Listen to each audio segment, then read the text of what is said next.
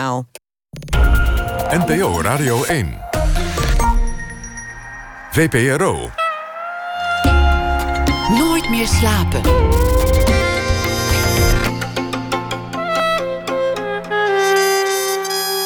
Met Pieter van der Wielen. Goedenacht en welkom bij Nooit meer slapen. Zijn moeder was een dorpsgek, een fantast, gravin aan de Côte d'Azur, een Russische prinses. En zijn vader was een Egyptische notabele in Parijs. Ramses Shaffi vertelde graag en gevarieerd over zijn origine en zijn afkomst. Journalist Sylvester Hoogmoed schreef een boek over de moeder van Ramses Shaffi. En vond verbazingwekkend veel. Dat na ene dan ook aandacht voor een boek over Bibeb. Ze interviewde de grote der aarde diepgravend. Maar wie Bibeb zelf was, dat bleef al die jaren onzichtbaar. Er is nu een boek over haar geschreven. Maar we beginnen komend uur met Sander van Hoorn.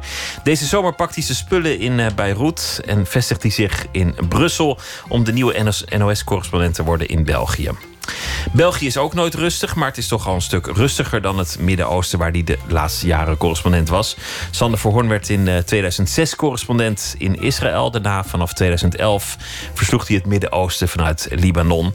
Hij versloeg zo de Arabische lente, de burgeroorlog in eh, Syrië, ook eh, Libië, de opkomst van IS, de chaos in Irak. Sander van Hoorn werd geboren in 1970, is de zoon van journalist en presentator Henk van Hoorn en hij studeerde politicologie. Sander van Hoorn, hartelijk welkom. Dankjewel.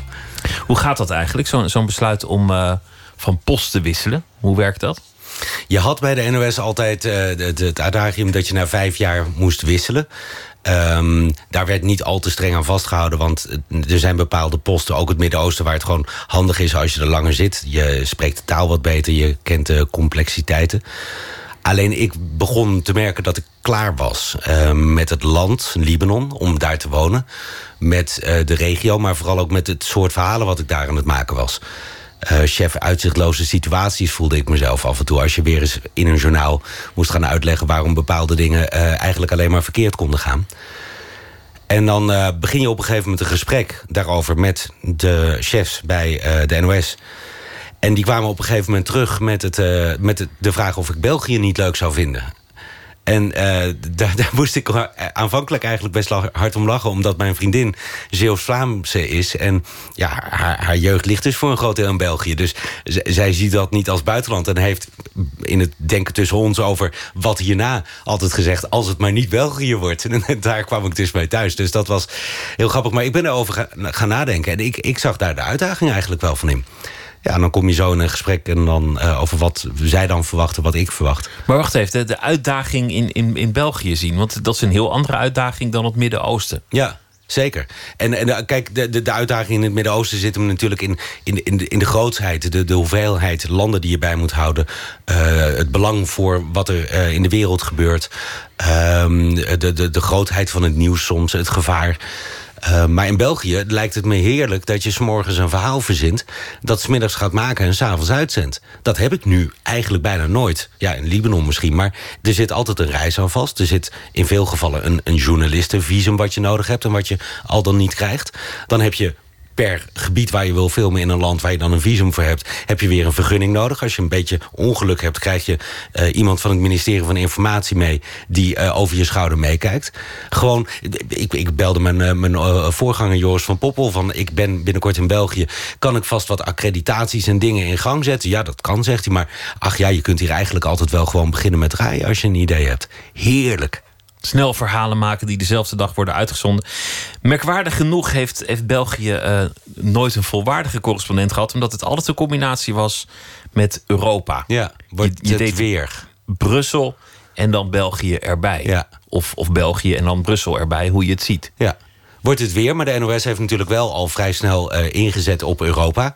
Ook een beetje publieke taak. Maar hè, als, als Europa zo veel regelt eigenlijk van wat er in Nederland gebeurt... en hè, volgens sommigen te veel, uh, uh, er komen allemaal regels... Waar, waar wij in Nederland vaak naar de hand pas van denken van... hoe bestaat het? Ja, dan heb je daar gewoon goed verslag van te doen. En dat hebben wij dus gedaan door een bureau Brussel neer te zetten... waar Arjen Noorlander de correspondent is... waar um, een redacteur zit, waar een, uh, iemand zit die verhalen in Europa maakt. En daarnaast heb je dus de correspondent België... die wel meedraait in dat bureau. Ik ga ook, uh, als Arjan niet kan, ga ik uh, de Europa-verhalen vertellen. Maar primair ben ik er voor België. Omdat het toch, ja, het is een buurland. En het is een heel erg gecompliceerd buurland. En een van de frustraties ook van de mensen die daar zitten... en ook van de Vlamingen is dat... dan komt er weer een Nederlander, het is immers om de hoek... en die denkt te snappen hoe het land in elkaar zit. En het is niet meer zo heel makkelijk te snappen inmiddels. Nee, en dat lijkt me ook het fascinerende. Ik bedoel, dat, ik, ik, ik, ik uh, heb natuurlijk met de collega's daar al gepraat... en die vertellen me verhalen. En ik denk, het is toch net Libanon. Dus ik denk dat ik met de complexiteit van Libanon... Uh, verschillende groepen die elkaar gevangen houden in structuren... waar ze eigenlijk het liefst vanaf willen. Maar als je dat doet, dan loop je het risico dat het land uit elkaar valt. Dus die structuren, daar heb je maar mee verder te modderen. Ja, dat, dat herken ik nu al in België. En het lijkt me fascinerend. Ik vind het wel een mooie vergelijking tussen Libanon en, en België. Ja, Beirut en Brussel. Beirut en Brussel. Ja. Nee, ja, en die vergelijking die gaat natuurlijk ook op heel veel uh, plaatsen mank. Maar nou ja, een verhaal van de collega's is al uh, de, de, de, de tunnels in Brussel. Die zijn aangelegd met geld van iemand. Maar nu is niet duidelijk wie het onderhoud moet betalen. Dus zijn heel veel van die tunnels dicht. Ja, dat zou in Libanon ook kunnen gebeuren. Tegelijkertijd is het mooie van Libanon wel weer... in vergelijking met waarschijnlijk België, maar zeker Nederland. Ik moest enorm lachen uh, dat hier de laatste Schiphol-tunnel was afgesloten... omdat uh, de lampen in de uh, tunnel het niet deden. Ja, de lampen in de tunnel in Libanon doen het zelden... omdat daar gewoon onvoldoende elektriciteit is. Dus de helft van de dag doen die lampen het überhaupt al niet. En dat soort dingen, ja, die verwacht ik in België dan iets minder tegen te komen. Er is toch wel sprake van iets van een functionerende overheid. En in Libanon is dat helemaal niet. Was je ook klaar met, met Libanon, het land waar je woonde? Ja, en dat, dat, dat is hè, die, die, uh, staat die niet functioneert. Nou, daar heb je gewoon last van. Er is onvoldoende water, onvoldoende elektriciteit. Uh, en er zijn dan allemaal grijze en zwarte oplossingen voor. Maar het kost relatief veel uh, energie ook om uh, je leven op de rails te houden. Dat gaat ook relatief vaak mis. Dus dan kan je weer niet douchen omdat het water in de kelder op is. Of je staat met uh, zware boodschappentassen of koffers als je net op reis bent geweest. En de lift doet het niet omdat er geen elektriciteit is. Dat soort dingen. Bedoel, en dat klinkt heel klein. Alleen het is gekoppeld bij mij in elk geval aan een, aan een, soort woeste frustratie eigenlijk. Dat een, een, een, prachtig mooi land met gemiddeld hoogopgeleide, slimme, reizende mensen. Die ook weten hoe mensen in het buitenland het regelen. En die komen dan terug in eigen land en ze maken er echt een fucking zooitje van. En, en, daar heb ik dan last van. En dat, dat, dat maakt bij mij een soort frustratie waar ik na vijf en half jaar eigenlijk wel genoeg van heb. Het is natuurlijk het land uh, waar vanuit je werkt. Je, je doet het hele Midden-Oosten. Je verslaat ook Libanon als er iets aan de hand is. Maar meestal gaat het toch over andere landen. Maar het is ook het land waar je leeft. Waar je kinderen opgroeien. Waar je kinderen naar school gaan. Je verbindt je ook al met zo'n land. Ja, en ik denk dat je dat pas echt in volle hevigheid merkt... op het moment dat je weg bent want want daar, daar is natuurlijk een, een, een fasering in. En dat, dat hoor ik ook van Libanezen trouwens. Hè, want, want Libanezen vragen natuurlijk altijd... wat vind je van Libanon? En dan zeg van nou, om er te wonen is, er een, is fantastisch. Ik bedoel, alles kan, alles is er. Uh, en, maar om er te leven is nogal een uitdaging. En dat voelt elke Libanees ook zo. Omdat um, je, je op het moment dat je uit Libanon bent... dan, dan, dan, dan krijgt je frustratie en die woede waar ik het net over had... Die, die mag de vrije loop krijgen. Maar op het moment dat je in Libanon bent... dan kun je niet anders dan je voegen naar de regels... en uh, de, de problemen van het land. En dan, dan, dan maakt er een soort berusting van je meester... En de gemiddelde Libanees heeft dat ook zo. Want anders overleef je daar niet. Je, je moet mee, want je te, er tegen verzetten... daar heb je uiteindelijk alleen maar zelf last van. Ook een van de problemen waarom het land nooit substantieel zal veranderen. Omdat iedereen uiteindelijk zo gewend is... om maar mee te plooien, mee te buigen met alles. Um, maar goed, als je, als je dan daar in Libanon bent... ja, het is toch ook wel een heel mooi land. Ik, ik, ik, ik, uh, ik zit op een uur rijden van de dichtstbijzijnde skipiste in de winter. Ik zit op 20 minuten rijden van het strand. Uh, als je er twee weken op vakantie zou gaan... dan zie je alleen maar hippe rooftop bars. Je ziet uh, openluchtdiscotheken waar, waar in, in Nederland uh, je nog een puntje aan kan zuigen. Maar dat, is het, dat is het beeld dat je vaak ziet van Libanon... is, is de glitter en de, en, en de glamour dat het zo'n mooi land is met mooie mensen die. Uh, ja, lekker eten. Lekker eten, mooie, mooie plekken. Ja, en dat is er ook. Alleen onder dat laagje vernis. Wat uiteindelijk trouwens ook nog maar heel dun blijkt te zijn, is alles kapot, alles corrupt, uh, alles ook heel asociaal. Uh, Libanezen ja, die, die, denken in eerste instantie aan zichzelf. Nou ja, goed, dat doet elke mens, dus dat is niet zo heel bijzonder. Maar vervolgens aan het gezin. Vervolgens aan de uitgebreide familie. En die is uitgebreid in Libanon. Die familiebanden zijn veel sterker. Daarna denk je eens een keer aan je geloofsgemeenschap.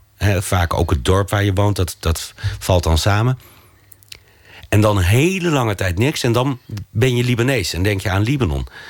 Ja, en, en, en dat, dat, dat merk je gewoon. Dat, Er is dat, geen gemeenschappelijkheid. Er is Helemaal eigenlijk niet. niet een samenleving, niet Nee. een, een, een, een staat, Nee, een burgerschap. Nou ja, er is een staat, maar eh, die wordt gedomineerd door, door diezelfde sectarische scheidslijnen die ook door de samenleving lopen. Het is eigenlijk de verzuiling die we hier midden vorige eeuw in Nederland hadden, maar dan eh on steroids. opgefokt. Mensen zijn ook eh, bereid om dingen zelf op te lossen. Je gaat niet snel in, in Libanon naar de politie of de overheid. Nee, want dat heeft geen zin. Want op het moment dat wij eh, hier eh, eh, voor de studio een aanrijding krijgen... dan gaat het er ook bij de politie niet om wie er gelijk heeft... maar wie er gelijk gaat krijgen. En dat heeft weer met connecties te maken. Dus op het moment dat ik een aanrijding krijg met jou... een van mijn eerste inschattingen... en die doe ik op basis van de auto die je rijdt... en hoe jij eruit ziet, is wie ken jij? En ken ik belangrijker mensen, dan durf ik het conflict met je aan. Of denk ik dat jij een wapen in de auto hebt liggen, is ook een, eh, een vrij groot. Dus dus eh, d- dat is de manier waarop, waarop conflicten worden uitgevochten. Ik heb geen idee meer wat je vraag was, maar die ga je ongetwijfeld nog wel eh, herhalen. Zo. Maar dat, dat, dat is Libanon, waar de manier waarop je mensen kent heel bepalend is. Waar de staat het dus eigenlijk continu laat afweten. En waar je dus ook je netwerk heel belangrijk is. Ehm, eh, eh, eh, je netwerk bepaalt of je een baan krijgt. Je netwerk bepaalt of je kind naar een goede universiteit kan. Maar er zijn dus eigenlijk andere structuren in het leven geroepen om, omdat er nou eenmaal niet zo'n sterke staat was. En eigenlijk zou je ook kunnen zeggen dat die voorkomen dat er een sterke staat komt. Ja, nou ja, een goed voorbeeld is de elektriciteit. Sinds de burgeroorlog is er eigenlijk onvoldoende elektriciteit. Er moet een elektriciteitscentrale bijgebouwd worden. Dat is niet gebeurd. Dus je hebt nu een soort rolling blackout. Fantastisch om te zien. Dan gaan er gewoon hele wijken gaan er op zwart. Als jouw wijk die wijk is, dan heb je eh, of zelf een generator of iets van een buurtgenerator. Is een grote container. En daar betaal je een godsvermogen voor, maar die springt dan aan en dan krijg jij elektriciteit.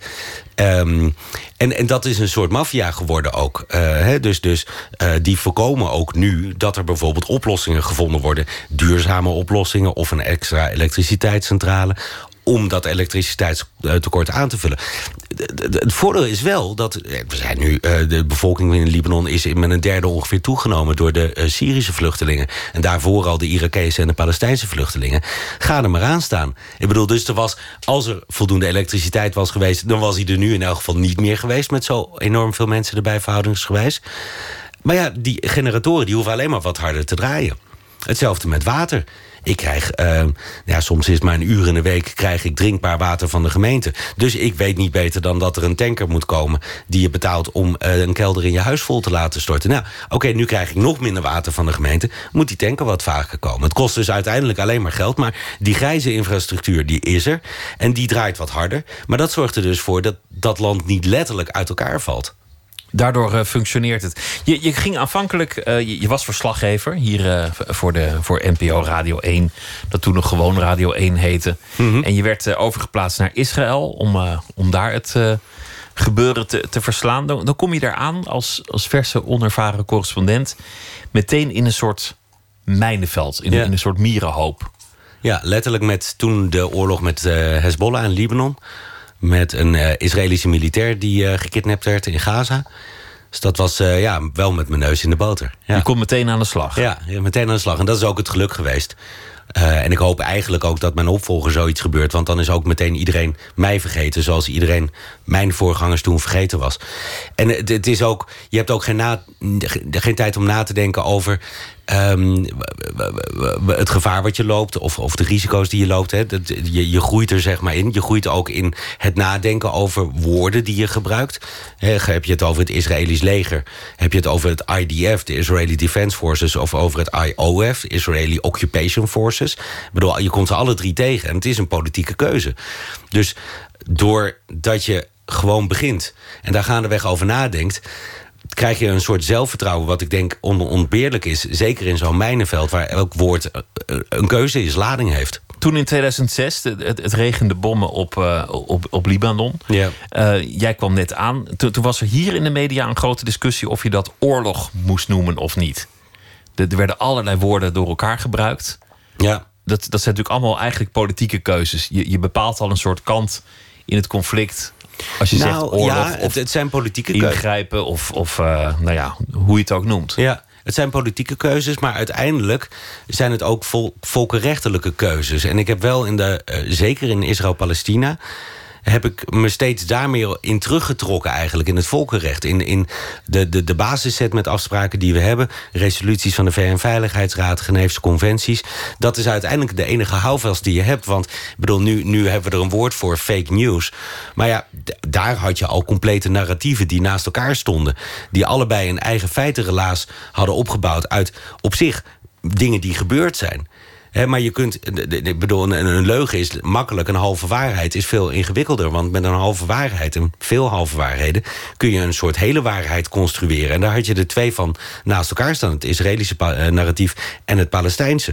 En dat, is, dat gaat ook zo snoeihard daar, maar ook hier in de Nederlandse media, dat je uiteindelijk wel gedwongen wordt om te denken: van maar wat weten we nou echt? De een noemt het omstreden, de ander noemt het bezet. Wat is het nou? Ja, dan ga je kijken. En dan blijkt je toch juist ook niet in. in, in dan blijkt je juist in dat internationale recht eigenlijk best veel te kunnen vinden. Dus, dus als jij het niet wist, dan had je een soort kompas daarin. Van oké, er Ja. is een resolutie, dus dan, dan noem ik het zo. Nou ja, vooral ook omdat je, je, wordt er wel op aangesproken. En, en eh, de mensen die je daarop aanspreken, zelfs in het pre-Twitter-tijdperk... die zijn vrij eh vocaal. Ik bedoel, er zijn wel eens kamervragen over mij eh, gesteld. Nou, dat is best intimiderend. Alleen, vervolgens ga je dan denken van... ja, zit ik er dan naast? Ik bedoel, moet ik dan de westelijke Jordaanoever eh omstreden noemen? Eh, moet ik dan bij eh, nederzettingen het woordje illegaal weglaten? Nee, ze zijn illegaal. En de Westbank is bezet. Ik bedoel, ja, daar kun je... En, en dan nog snap ik waar de mensen het vandaan halen... die dat omstreden noemen. Maar ja, ik denk dat je vrij duidelijke keuzes daarin kunt maken. Je hebt eh, van, van beide kanten wel eens eh, op je donder gekregen. Er is, er is jou verweten dat je pro-Palestijns was... en er is jou verweten dat je pro-Israëlisch was. Ja. Als het ongeveer 50-50 is, dan zou nou, je kunnen daar heb zeggen... ik over nagedacht. Want dat, dat, dat is heel verleidelijk om dat te zeggen. Inderdaad. Als, als je van allebei de kanten klachten krijgt, dan moet je het wel goed doen. Maar dat, dat weet ik eigenlijk steeds minder. Ehm, omdat dat ervan uitgaat dat de waarheid altijd in het midden ligt. Maar is dat wel zo? Ja, in, in dit conflict vind ik dat ontzettend moeilijk... om, om daar nog iets zinnigs over te zeggen. Maar je hebt het nu ook in Syrië. Ik bedoel, wat, wat is er op een, willekeurig moment gebeurd? En moet je dan inderdaad altijd maar die twee kanten gelijktijdig aan het woord laten? En ja, wat dat betreft is, is het eigenlijk nog extra belangrijk... om je werk als journalist goed te doen. Om in elk geval voor de kijker en de luisteraar heel erg duidelijk te maken... van wat je zeker weet en waar die twijfel inderdaad nog mogelijk is. En daar waar je voldoende zeker weet... ook dat etiket er dan maar op te plakken. Omdat die duidelijkheid, ja, dat is iets waar, waar het zo vaak aan ontbreekt. Omdat, eh, ja, bedoel, je kunt overal over twijfelen... maar dat, dat zoeken, dat is des te belangrijker geworden eigenlijk. Dat 2006 was ook een, een keerpunt in de zin dat ik toen voor het laatst het woord vredesproces heb gehoord. Nou, nee hoor. Nee. Geleidelijk aan is dat toch een beetje verdwenen. Ja, ik kreeg hoort het laatst over Syrië. Het vredesproces. Oh, je hoort, Ja. jij hoort het nog wel Ja, eens. nee, hoor, het wordt nog steeds gevraagd. Maar we hebben het er wel een beetje uit kunnen slaan. Ja, ja want dat, dat vredesproces in Israël en eh, bezette gebieden... is natuurlijk volstrekt dood. En dat, dat was het al lang. En dat, dat wordt, voor de vorm wordt dat eh, eh, nog gebezigd.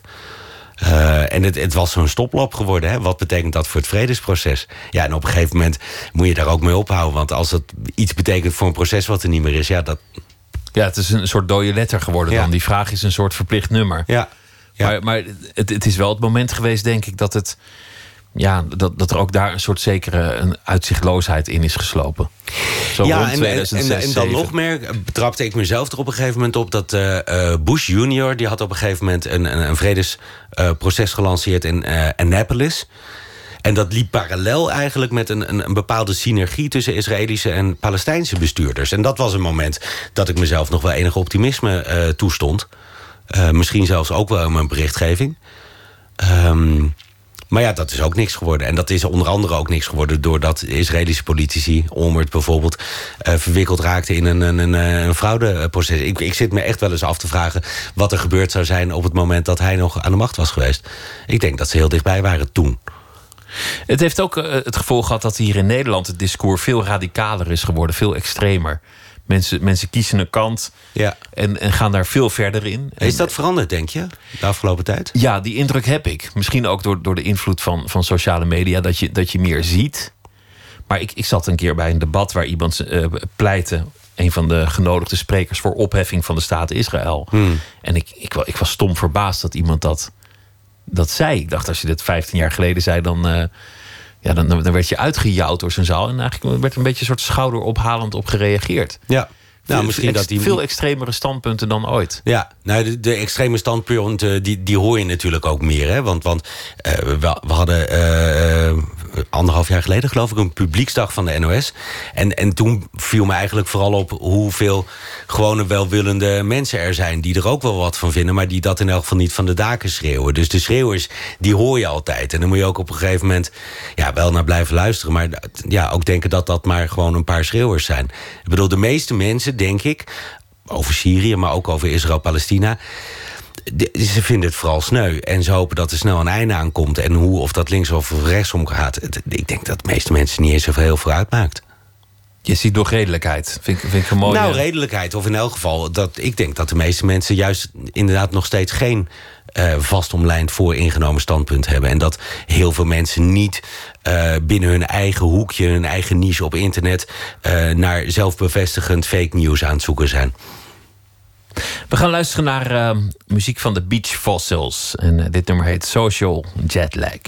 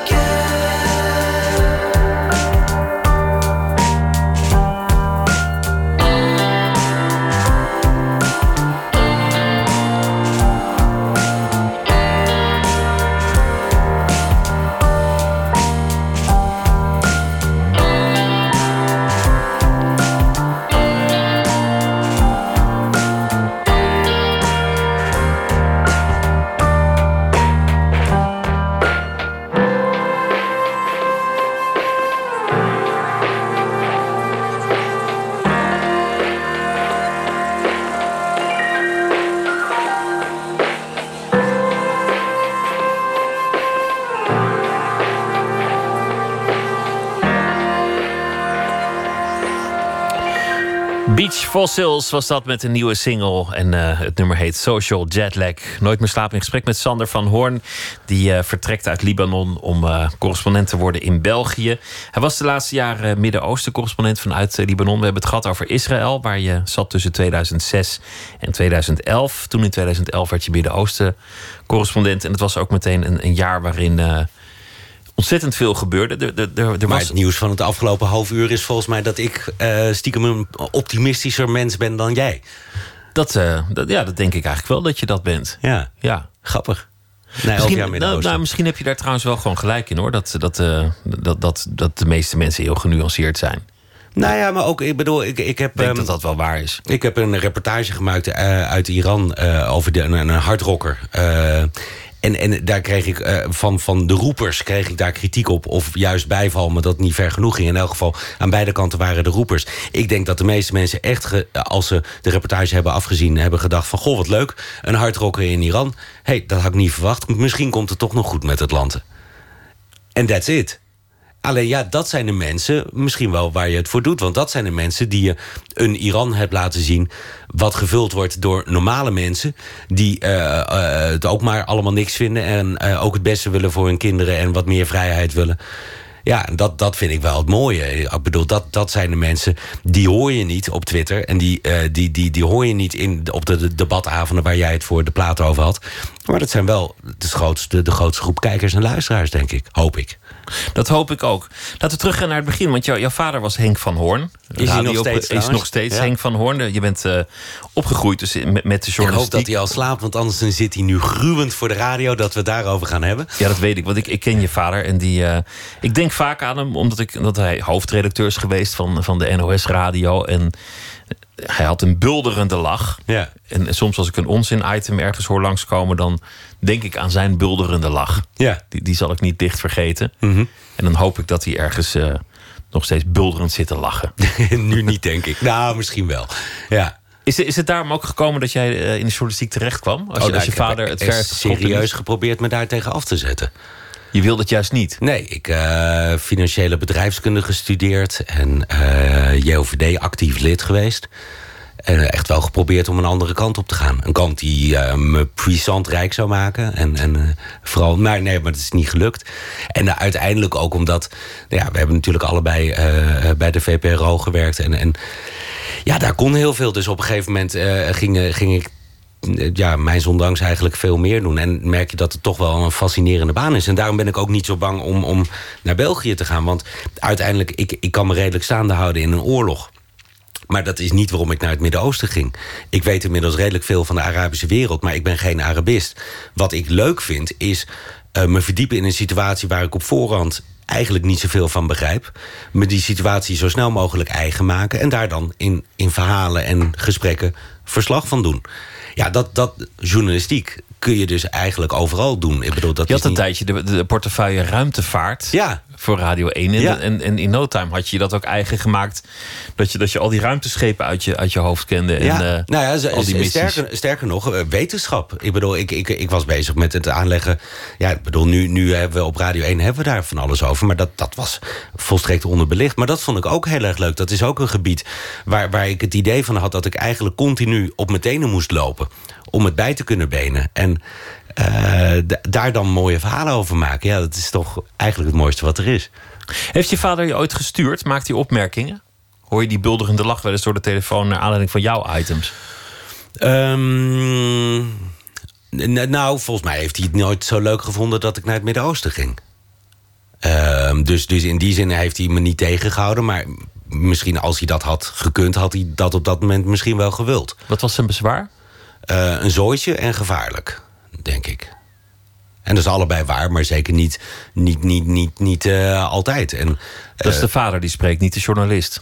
Nee, en journalistiek vind ik het wel, ben ik ook eigenlijk wel blij. Want, want anders dan, dan wordt het helemaal zo'n vader en zo'n eh, verhaal. Ik ben wel blij dat ik een heel andere weg heb bewandeld dan hij. Hij, hij is toch heel lang ook parlementair journalist geweest. Ja, presentator van vooral, programma's. vooral Den Haag. Ja, en presentator van programma's, het oog. Ehm, ja, en de, de, de- ik bedoel, hij is nooit correspondent geweest. Dus, dus wat dat betreft denk ik ook dat sinds hij correspondent was... we ook veel meer journalistiek inhoudelijk eh, daarover praten dan daarvoor. Hij had altijd een hekel, eh, waarschijnlijk nog steeds... aan het correspondententoontje. Ja. Ja. Ja, en ik denk dat ik dat ook wel heb. Ik bedoel, mijn vriendin die zegt dat wel eens... dat als ik een, een, een tekst inspreek bij een televisie-item met name... dat ik dan echt een, een bepaalde toon heb. Maar ja, daar heeft de kijker geen luisteraar aan en uh, geen boodschap aan. Maar ik weet ook hoe die komt. Ik bedoel, je zit vaak in een hotelkamer met een dramatische akoestiek. Dus wat je doet is je zit onder een deken met, met voor je je iPhone. Want, want je hebt geen licht, dus dan heb je daar je tekst opgeschreven. Die microfoon die zit toch een beetje onnatuurlijk dicht bij je mond. Want die wordt tegen je gezicht aangedrukt door die deken. Je moet namelijk de deken niet achter je houden. Want dan zit je alsnog de kamer in te praten. Je moet die deken voor je houden. Want dan heb je uh, uh, die isolatie van de deken. Maar ja, het, het, het, praat niet lekker, zeg maar. Het praat niet vrij. Dus ik denk dat daar mijn toontje meer vandaan komt dan... dan uh, het correspondententoontje. Het, het correspondententoontje. Maar wat zei jij eronder? Want kennelijk uh, vind je dat dus ook. Nee, nou, wat ik, wat ik eronder versta is een soort stelligheid... waarmee een correspondent iets, iets kan zeggen... De, eigenlijk een soort, soort belezende toon... die, die correspondenten vroeger vooral konden hebben. Ja, maar ja, dat. Oké, okay, dat, vroeger dat, denk dat je dat even los moet koppelen. Want toen was radio maken en televisie maken sowieso heel anders. Maar um, ik, ik, ik, weet ik niet. Als dat mijn toontje is, dan, dan hoop ik dat eigenlijk niet. Want ik, ik, ik heb jou nooit op die toon kunnen betrappen. Nee, worden, dus. maar dat is. Ik, ik ja, beroep, beroem me er zelf ook een beetje omdat ik het nooit zo'n probleem vind om te zeggen dat ik iets niet weet. En volgens mij heb ik dat vanaf het begin ook gedaan. En wel dan weer na verloop van tijd, hè, als, je, als je zekerder wordt van jezelf ook. En dat is een proces, dat heb je zeker niet aan het begin. Um, ervan uitgaande dat als ik iets niet weet, dat dat eigenlijk ook heel interessant is. Want hoe komt dat dan? Nou, dan kun je daarover vertellen. Of misschien is iets op dat moment wel gewoon niet weetbaar. En dan is dat relevant om te vertellen. Doe me denken aan uh, Rumsfeld, die het had over de, de unknown unknowns en ja. de nee, ik heb, knowns. Ik heb, en de... Nee, briljant. ik heb hem laatst gebruikt bij een, een, college in Groningen. Want ik, ik kwam hem inderdaad... Ik, ik, maar dat is eigenlijk... Die, die, die, die oude neocon heeft dus mijn journalistiek eigenlijk gedefinieerd, kwam ik achter. Want je, je weet inderdaad... Even, had hem een quote uh, voor het Pentagon... Uh, stond hij in, als ministerie, minister een, een speech gegeven.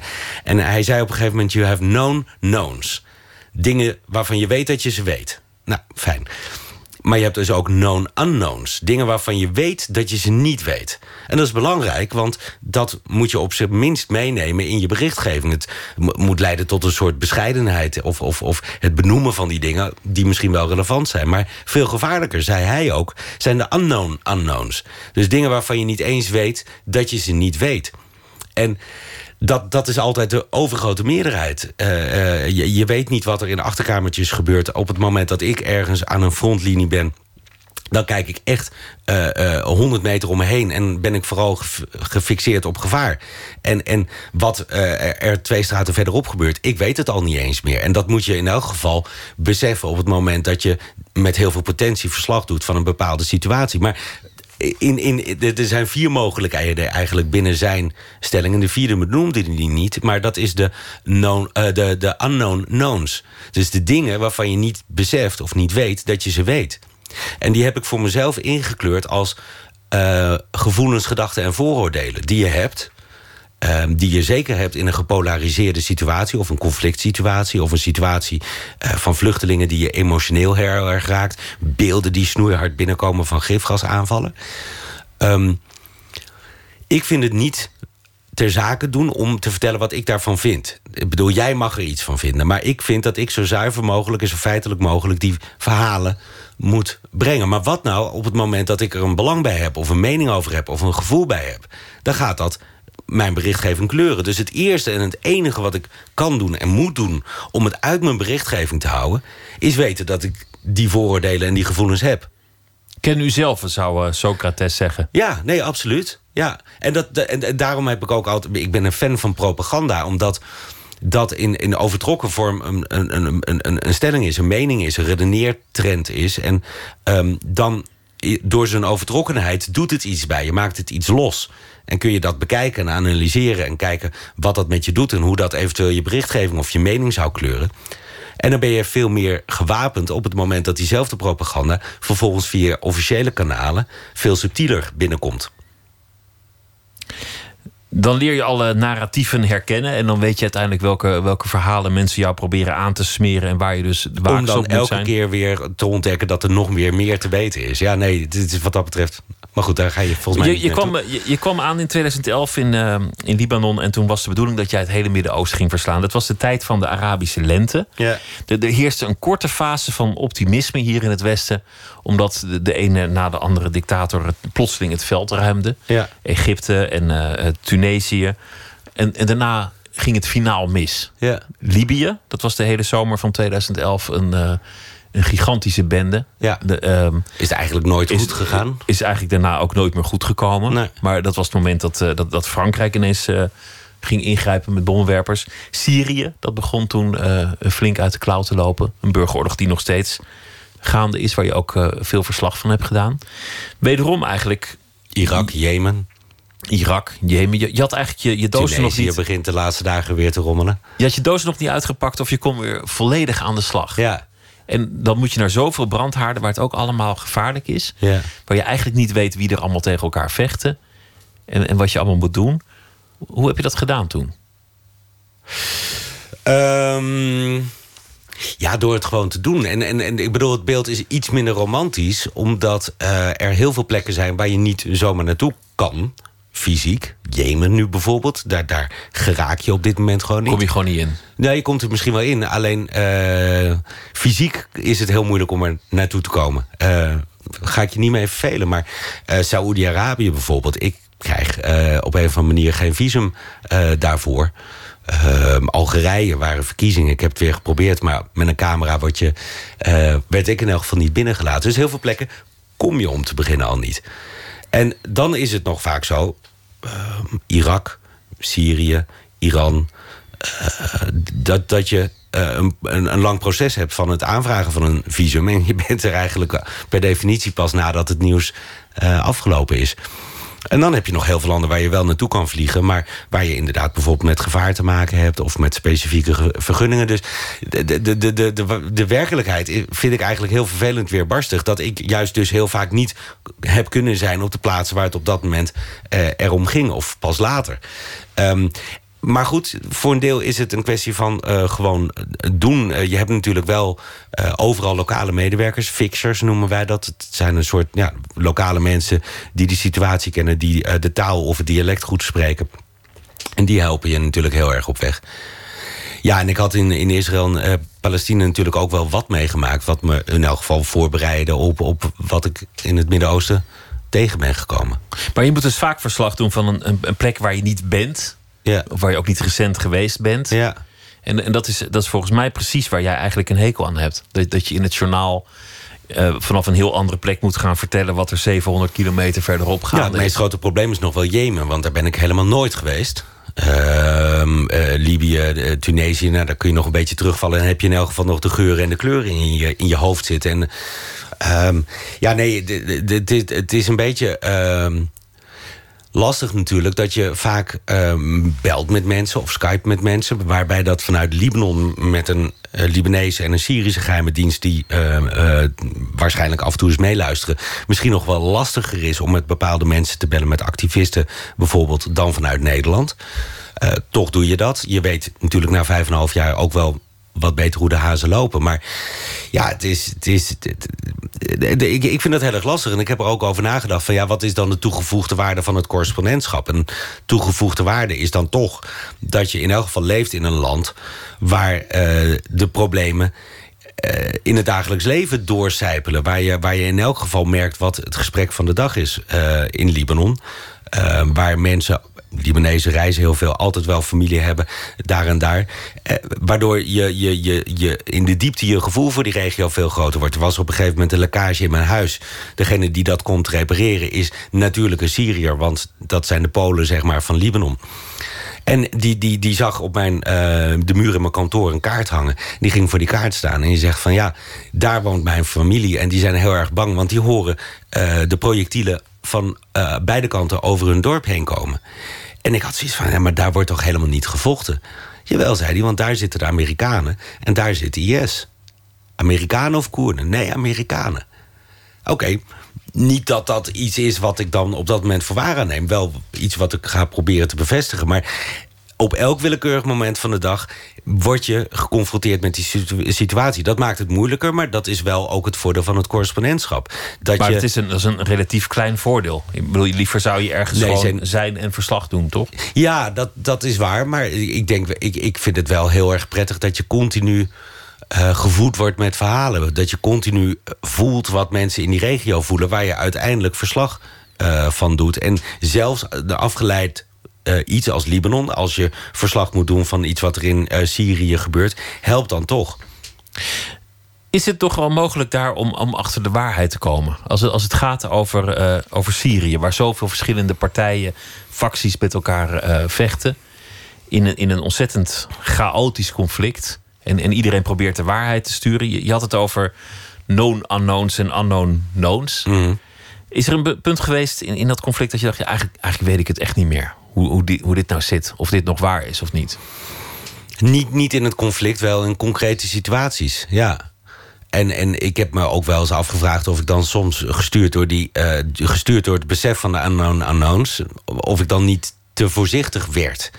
De- en, en dat is lastig. Ik bedoel, met die gifgasaanvallen. Ik bedoel, ik heb op een gegeven moment vrij stellig gezegd dat het past in een bepaalde lijn. Eh, en dat je er daarom. Ehm, dat de kans reëel is dat Syrië eh, op een gegeven moment in de provincie Idlib een dorpje heeft gebombardeerd met gifgas. Weet ik dat? Nee. Is het tot nu toe bewezen? Nee, het is wel aannemelijker geworden.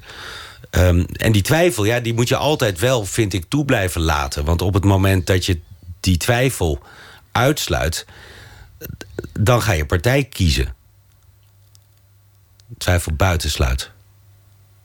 Dan, dan ben je eigenlijk gewoon een van de, van de partijen geworden. Ja. In zekere zin. En dat, Ja. dat wil je voorkomen. Dat wil ik voorkomen, maar dat betekent dus eigenlijk dat ik, denk ik, liever zeg van... we weten het op dit moment niet. Dat ik dat langer vol blijf houden dan, dan maar een, een, een, een- toch met de ogen dicht... uiteindelijk een beetje een standpunt innemen. Alleen het probleem is, eerder gezegd, dat... Kijk, als, als je ehm, eh, eh, een bepaalde eh, stelling van bijvoorbeeld de Amerikanen... of van, van eh, de Syriërs of weet ik veel wat... eh, eh, als daar een leugen tegenover staat, dan, dan dat is natuurlijk heel fijn. Want dan weet je van, nou, die leugen is in elk geval niet waar. Dus dat maakt de, de, de, de, de andere alternatief niet waar, maar wel aannemelijker. Of in elk geval niet minder waar. Omdat er een leugen tegenover staat. Alleen, bijvoorbeeld de Russen, die zijn er heel goed in... om er geen leugen, maar een halve waarheid... of een, in elk geval een andere plausibele verklaring naast te zetten... die in elk geval een stuk moeilijker falsifieerbaar is. En hoe ga je daar dan weer mee om? En wordt dan, doordat je die twijfel, die reëel is... omdat er een lastig falsifieerbaar verhaal naast staat... die twijfel die je dan toestaat in je eigen berichtgeving... wordt die dan niet zo groot dat je berichtgeving eigenlijk nergens meer op slaat? En dat moet dan allemaal in, in anderhalve minuut. Want, want zo lang duurt een, een item in het, in het NOS-journaal. Ja. Dus je moet, je Maar moet dat ook denken, dat doe ik niet tijdens het praten. Probeer ik Nee, altijd daarvoor goed. een beetje te maar je, doen. moet, je, je kan niet te veel nuance gebruiken, want dan, dan is je item voorbij. Je, ja, je maar, moet wel ja, iets... maar dat, dat- ja, goed, dat is waar. En dat is ook wel een discussie. Maar ik, pff, ik, ik, ik, ja, ik vind wel dat als je die nuance niet meer kwijt kunt... dan, dan moet je het misschien maar gewoon helemaal niet meer doen. dan moet je het item gewoon en niet ik, maken. ik ben echt wel he- vrij happy met de NOS. Die, die eh, toch nog altijd wel van de school is van... oké, we moeten dan wel goed nadenken hoe we het verhaal verpakken. Maar als wij het belangrijk vinden om dat te vertellen... dan, dan is er altijd ook wel ruimte voor. Je hebt eh, rondgelopen in een aantal steden die, die totaal vernietigd waren. Aleppo, niet zo lang geleden, met, met zo'n eh, 360 graden camera. Ja. Dan, dan, dan liep je daar rond en dan zag je werkelijk geen één steen op de ander eh, meer staan. Je hebt eh, rondgelopen in gebieden waar, waar die gifgasaanvallen zijn geweest. Je, je hebt rondgelopen in eh vluchtelingenkamp. Je bent ook in, in Homs geweest, alweer een, een, een tijdje geleden. Ook een totaal vernietigde omgeving. Mhm. En intussen weet je gewoon dat er, dat er geen einde in zicht is. Nee, en eh, oké. ehm, ik ben niet een tijdje geleden in Homs geweest. Ik ben een tijdje geleden in Homs geweest... en heb beelden gemaakt van die verwoeste oude stad van Homs... die jij hebt gezien en waar je aan refereert. Ik ben dit voorjaar nog in Homs geweest, op de terugweg vanuit Aleppo. We wisten namelijk dat er ergens in Homs een plek zit... met erg lekkere koffie, decent internet... waar we gewoon even konden monteren om ons verhaal te versturen. Dus met andere woorden, er zijn grote delen van Homs... waar het nog eh, eh, eh, rustig is waar elke steen nog op elkaar staat... en waar mensen gewoon proberen hun leven door te leven. En dat vind ik het mooie dat je dat soort gebieden altijd hebt. Ook in Aleppo, ook in Oost-Aleppo, waar alles verwoest is... heb je mensen die willen bouwen, die willen doorleven. Ja, dat, dat is uiteindelijk... die veerkracht vind ik mooi. En dat vind ik ook wel... Ja, ik bedoel, je bent, natuurlijk ben je in een verwoest gebied... maar je bent dan even later weer in een gebied waar het wat minder verwoest is... en waar dan ook meteen weer een markt geopend is. Dat maakt het voor mij ook wel makkelijker denk ik. Dat stemt jou ook optimistisch uiteindelijk, in zekere zin. Nou, nee hoor, want ik bedoel, ik weet ook heel goed dat die, die mensen waarschijnlijk uh, is niet over een jaar dan over twee jaar weer geneukt worden, maar dan door iemand anders op een andere manier. Ik bedoel, in Irak, in Mosul, uh, oké, dan is IS misschien, verdreven, maar dan, dan, dan gaan uh, um, de Shiiten en de Koerden elkaar te lijf. Hè? Ik bedoel, Syrië, daar zal voordat IS verdreven is, zal nog een tijdje duren. En dan heb je nog altijd die voedingsbodem daar. Je hebt mensen die, geloof ik, oprecht vijf jaar geleden niet sectarisch elkaar naar het leven stonden. Maar die vijf jaar die heeft nogal wat veranderd. Dus of dat ooit nog goed gaat komen tussen die verschillende bevolkingsgroepen, kun je ook afvragen. Dus wat dat betreft, nee, als ik dat optimisme haal uit die mensen die de draad weer op proberen te pakken, dan merk ik toch ook altijd wel een soort defetisme of een, een, soort moedeloosheid van het feit dat je bijna zeker weet dat die mensen binnenkort weer de, de, de, de pineut zijn. En daarom noemde je jezelf ook eerder in dit gesprek... Uh, de chef uitzichtloze chef situaties. uitzichtloze situaties, ja. en dat, mag iemand anders een keer gaan doen. Dat snap ik heel goed. Vandaar dat je, dat je naar België gaat. Geluisterd naar Charlie Fink. En uh, dit nummer heet I Was Born to Be a Cowboy. Some girls dream of meeting a rich boy. Some girls dream of being a playboy. But since I was young, I only had one. I dreamed of being a cowboy. I used to strut up and down my street, wearing a Stetson and boots on my feet. And in my mind, I go back in time to a land of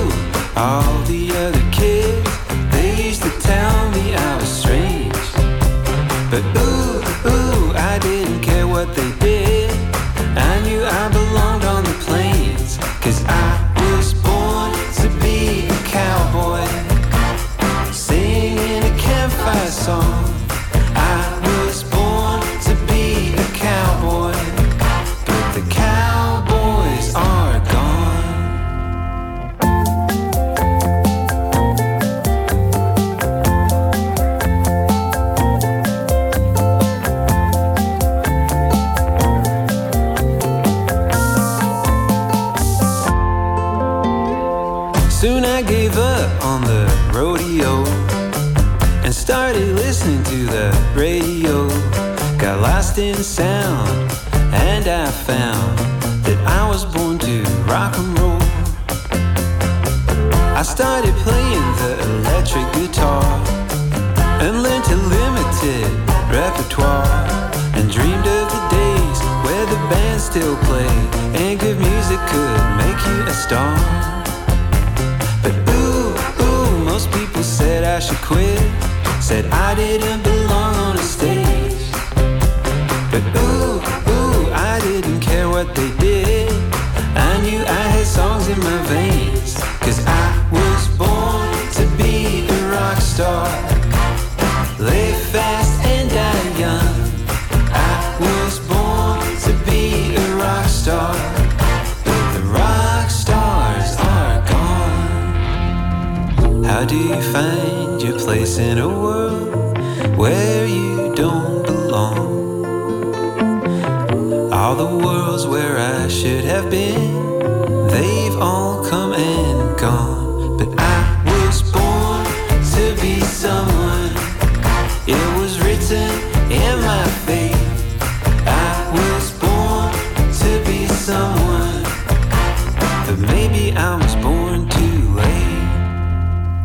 Charlie Fink was dat. En eh, het nummer heette I Was Born to Be a Cowboy. Nooit meer slapen. In gesprek met Sander van Hoorn. Afzwaaiend correspondent Midden-Oosten bij de NOS. En eh, inkomend correspondent België. Hij gaat naar Brussel. En hij eh, had gevochten tegen een loopbaan in de journalistiek, want dat deed zijn vader al, maar hij ontkwam er toch niet aan. Hoopte ooit rijk te worden, werd zelfs even een eh, bestuurder van de jonge vereniging van de VVD. Die Nee, over- nee, nee, nee, nee, nee. Onafhankelijke organisatie. Oh, sorry. Ja, nee. Maar toevallig zijn ze allemaal jong en heeft het iets met de VVD te Maar maken. heel veel zijn ook lid. Oh, jezus. Ja, nou goed, eh, ja, ga Wat door. maakt het uit eigenlijk? Maar enfin, je, we hebben het gehad over, over je, je, je loopbaan in Israël en je loopbaan in het, in het Midden-Oosten. En nu België Ja. komt eraan. Het land België wordt in Nederland journalistiek eigenlijk altijd een beetje gek verslagen. Vaak tong in cheek ineens. Of, of eh, we, doen er lacherig over. Goh, ja, dat land, niemand begrijpt het toch? Het, het is, het is voor, volgens mij best een uitdaging om dat dus goed en volwassen te verslaan Ja. als land. Het is tenslotte een buurland. Het is een buurland. Het is een land waar eh, voor de mensen die daar wonen nogal veel aan de hand is. Ik bedoel, het hele rechtssysteem eh, ligt op de schop. Eh, iedereen heeft last van. Nou ja, ook Europa had er eh, onlangs bijna last van dat een eh, handelsverdrag met Canada niet door zou gaan. Omdat een van de vele regeringen in eh, België het er niet mee eens was. Ehm, het is een land waar eh, per hoofd van de bevolking eh, de meeste jihadisten vandaan komen in Europa. Beetje Tunesië van Europa, zeg maar. Eh, waar radicalisering een rol speelt. Ehm, maar waarom doet het het in België op een bepaalde manier en in Nederland op een andere manier? Of is dat wel heel. Dus volgens mij kun je ook heel veel van dat land leren als Nederland. Ik lijkt het me fascinerend. Ja. Om daar verslag van te doen. Ja. Molenbeek was, was het grote verhaal van, van, van vorig jaar eigenlijk. Ja. Van, na november 2015 eh, ging het aanhoudend over, over Molenbeek. Merkwaardig is dat het, dat het gewoon zo centraal in Europa ligt. En dat, dat niemand het gezien heeft wat daar aan de hand Ja, was. met name de inlichtingendiensten niet. Of in elk geval niet op zo'n manier dat het eh, tijdig eh, gesignaleerd is. Of tijdig aangepakt is. Ja. Ja, nou, dat is, eh, heeft daar toch ook wel, denk ik, tot enig navelstarig eh leidt. Maar je moet het met mij nu niet over België hebben... want ik ben nu nog gewoon een maand Midden-Oosten-correspondent. Hoe ga je inwerken? Hoe gaat dat? Dat- Ik ga tegen de tijd dat ik eh, eh, de verhuisdozen komen... en al mijn boeken ingepakt zijn... eh, ga ik eens een tweet eruit sturen die eh, vraagt aan mensen... welke boeken, en dan heb ik het dus niet over het verdriet van België... want zover kom ik ook wel. Welke boeken moet ik gelezen hebben... voordat ik begin op 1 september? Nou, dan laten we dan daar eens beginnen. Je gaat je echt inlezen in het, in het land België en dan, en dan rondreizen. En Nou ja, ik ben er tot nu toe een paar keer geweest. Ik ga er zo meteen rijker ook weer naartoe... omdat ik morgen een paar huizen moet gaan bekijken. En ik ben er genoeg geweest om eh, te beseffen... Dat, ik er, dat er heel veel unknown, unknowns zijn... om het eh, maar even terug te halen. Ja, het is een land waar eh, veel niet te snappen valt. En ik, ik heb er wel zin in om, om mijn best daarvoor te doen, ja. Heb je je kinderen eh, Arabisch laten spreken eigenlijk in, in, in Libanon de laatste jaren? Nou, zeker. Het is, eh, ze zitten op een privéschool met Libanezen... maar eh, Engels is daar de voertaal. Ehm, maar ja, er wordt, er wordt Arabisch als vak gegeven. En ja, de, de kinderen in de klas spreken natuurlijk Arabisch. En Amber, de oudste van tien, die heeft al gezegd... dat ze dat heel graag wil blijven leren. Dus eh, om de hoek van hun school zit een Libanees restaurant. Nou ja, ze is wat jong voor een bijbaan, maar ik, ik ga dat wel proberen. Ja, want het is, ja, ze, ze, ze spreekt Fusha. Ik bedoel, mijn woordenschat is nog altijd groter... maar haar uitspraak, oh man, echt om door een ringetje te halen. Dat zeg je ook helemaal trots. Dat vind Ja, je, dat nee, vind maar mooi. natuurlijk, ja. Nou, vooral ook omdat zij er zo precies in is. Dus, dus de- zij sch- scheidt al die vier talen die ze spreekt. Dus eh, Engels, Frans, eh, Arabisch en Nederlands. En, en maakt in alle vier natuurlijk misschien meer fouten dan een kind wat maar één. Maar jeetje, dan ben je tien en spreek je vier talen.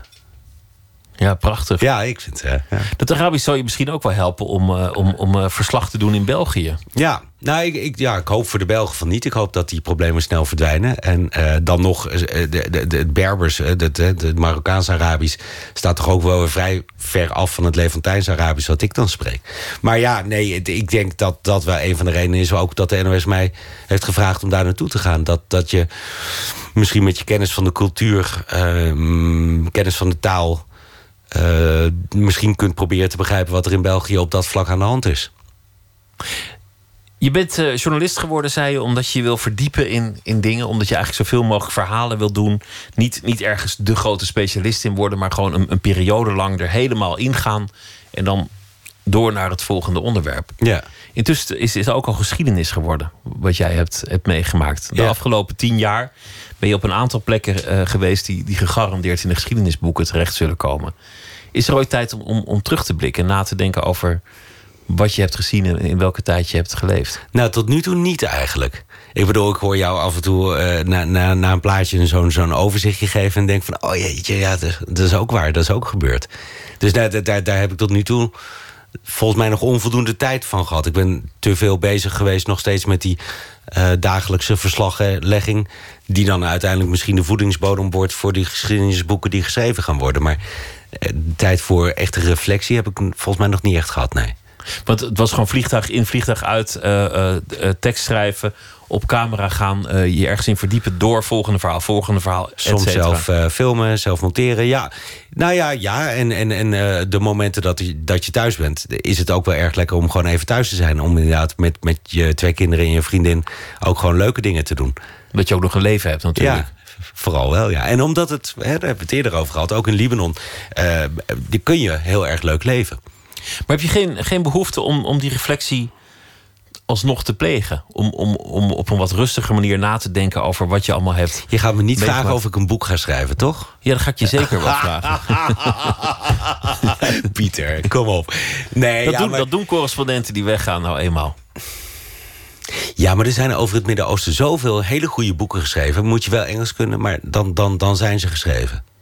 Dus jij denkt, dat zou mijn boek eigenlijk hier in godsnaam aan toevoegen? Nou ja, dan, dan, ik, ik heb wel eens gedacht... dan, dan wil ik iets doen met, met, met Israël, Palestina en Libanon... En, en, en, en de manier waarop die landen op elkaar lijken... eh, eh, eh, met elkaar in de clinch liggen... maar dat, daar ben ik nog niet helemaal over uit... of ik dat zelf interessant genoeg zou vinden... om daar een boek over te schrijven. En alle boeken over het Midden-Oosten. Ik heb een collegecyclus gegeven in Leiden... over eh, eh, de opkomst van IS. Daar ging het eigenlijk vooral om. Ja, dat is nu alweer ongeveer achterhaald. Hè? Dat, risico loop je ook nog weer een beetje. Dus nee, ik, ik zie nog niet welk boek ik zou kunnen schrijven... wat nou echt is, eh, gaat bijdragen aan, aan, aan het plezier van de mensheid, zeg maar. Morgenochtend vroeg huizen kijken in, eh, in, in Brussel. Het wordt een eh, korte nacht. En dan sta je daar met slaapkorrels in je ogen. En dan denk je, nou ja, Te kijken naar mijn nieuwe wereld. Ja. hier kan ik wel wonen. Ja. Sander, dank je wel. Leuk dat je te gast wilde zijn. Sander van Hoorn, dank je. Zometeen gaan we verder met eh, Nooit meer slapen. Gaan we het hebben over Ramses Shaffi. Sylvester Hoogmoed komt langs. Die heeft een eh, boek geschreven over de moeder van Ramses. En Thomas van Aalten heeft een verhaal geschreven bij de dag die achter ons ligt. Twitter, het VPRO NMS. En we zitten ook op Facebook. En u kunt zich abonneren op de podcast via de website van de VPRO. VPRO.nl slash Nooit meer slapen.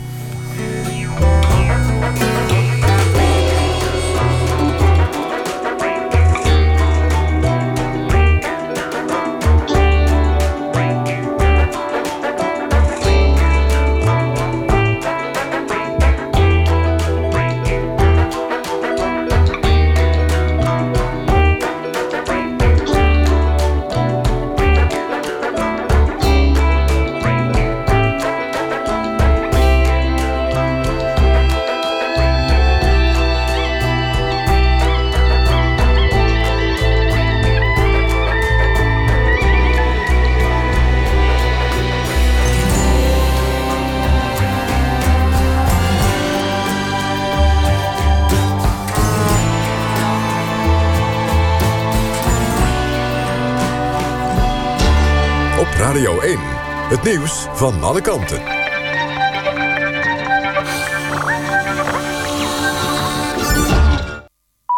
1 uur, Lot Lewin met het NOS Journaal.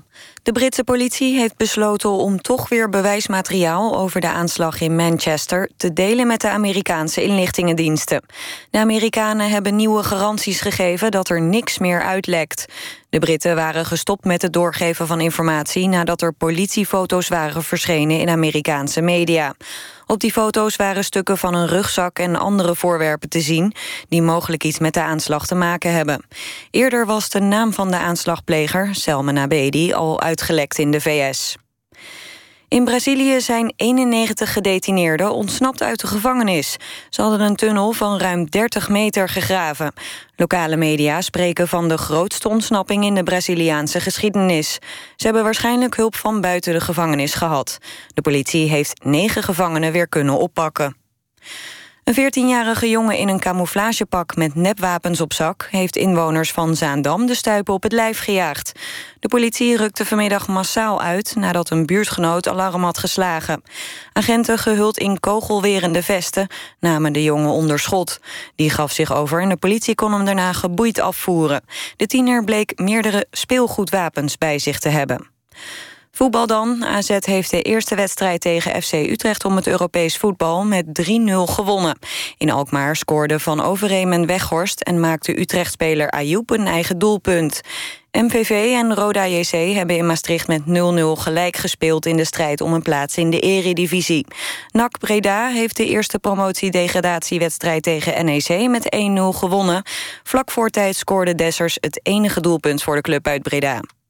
Het weer dan. Het is een redelijk heldere nacht met minima van rond de 10 graden. Overdag volop zon en 22 tot 27 graden. Zaterdag wordt het nog warmer met mogelijk tropische temperaturen. Zondag meer bewolking, broeierig warm en mogelijk onweer. Dit was het NOS Journaal. NPO Radio 1. VPRO. Nooit meer slapen.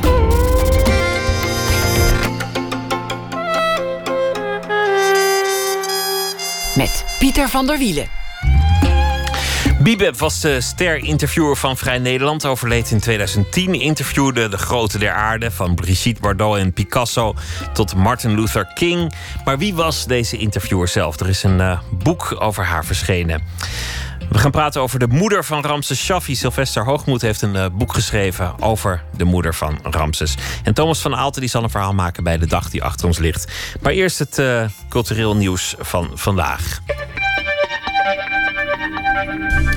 Problemen voor uh, maatschappij Discordia. Dit jaar uh, kreeg het uh, gezelschap te horen dat ze komende vier jaar geen subsidie zullen krijgen. En ook de decoropslag van het theatergezelschap brandde eerder dit jaar af. Veel theatermakers voelen zich schatplichtig aan maatschappij Discordia. Dus werd het tijd, vonden ze, voor een benefietavond. En dat was vanavond. Verkleerd en Nacht werd opgevoerd van choreograaf Anne-Theresa de Keersmaker. Wereldberoemd choreograaf. En dat vond plaats in de stad Schouwburg in Amsterdam.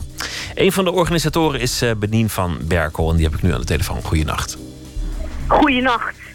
Deze benefiet, waarom vonden jullie het zo belangrijk? Het was, bela het was belangrijk omdat, uh, laat ik eerst zeggen, de benefiet was van het Vlaamse gezelschap van Anna-Theresa de Keersmaker, een wereldberoemde choreografe, die dat heeft aangeboden aan Maatschappij Discordia, een theatercollectief in Nederland. Op zichzelf al heel bijzonder is natuurlijk. En waarom hebben ze dat aangeboden? Omdat Maatschappij Discordia is een van de gezelschappen in Nederland uh, die al decennia lang bestaan. En als het ware de, de, het fundament vormen van het Nederlandse uh, theater.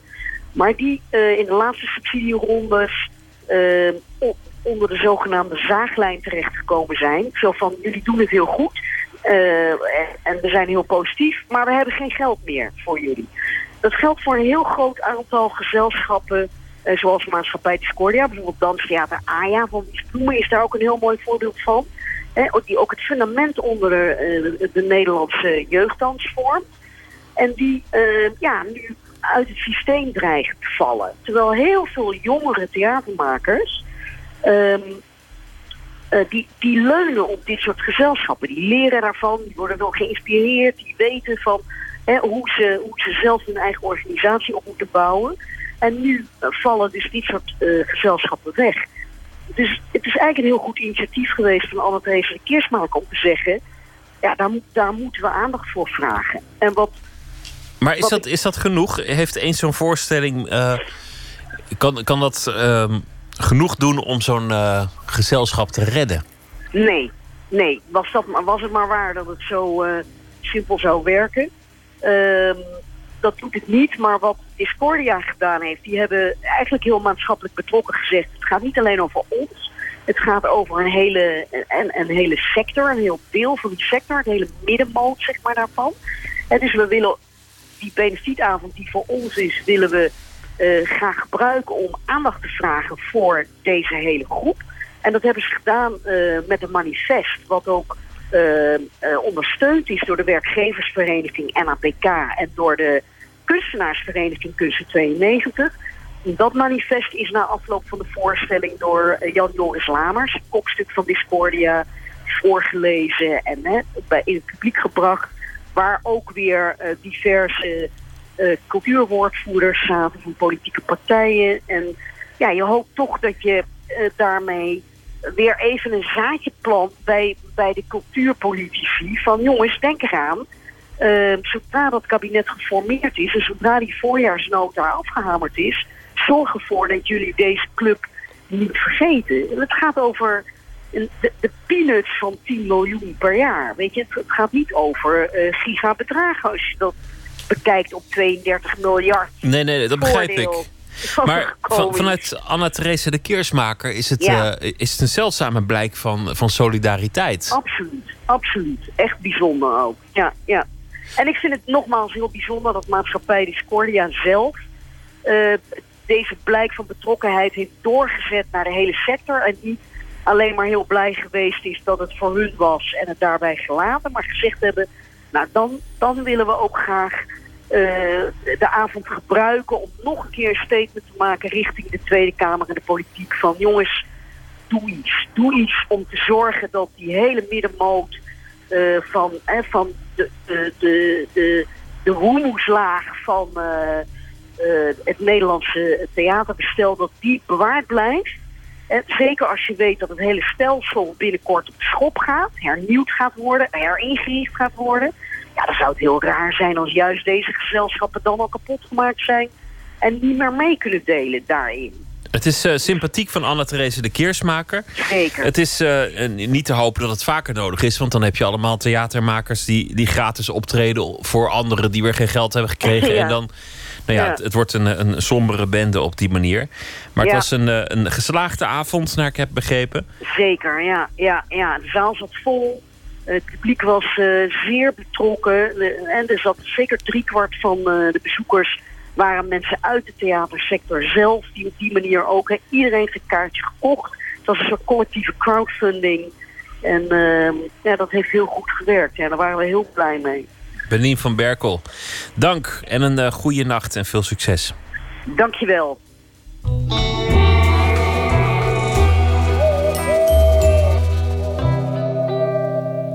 Ooit was er de Britse boyband One Direction en een van de mooie jongens was Harry Styles. Hij is de andere kant op gegaan en hij is geen eh, tiener-idool meer. Zijn nieuwe album eh, is onverwacht. Luister maar naar Meet Me in the Hallway.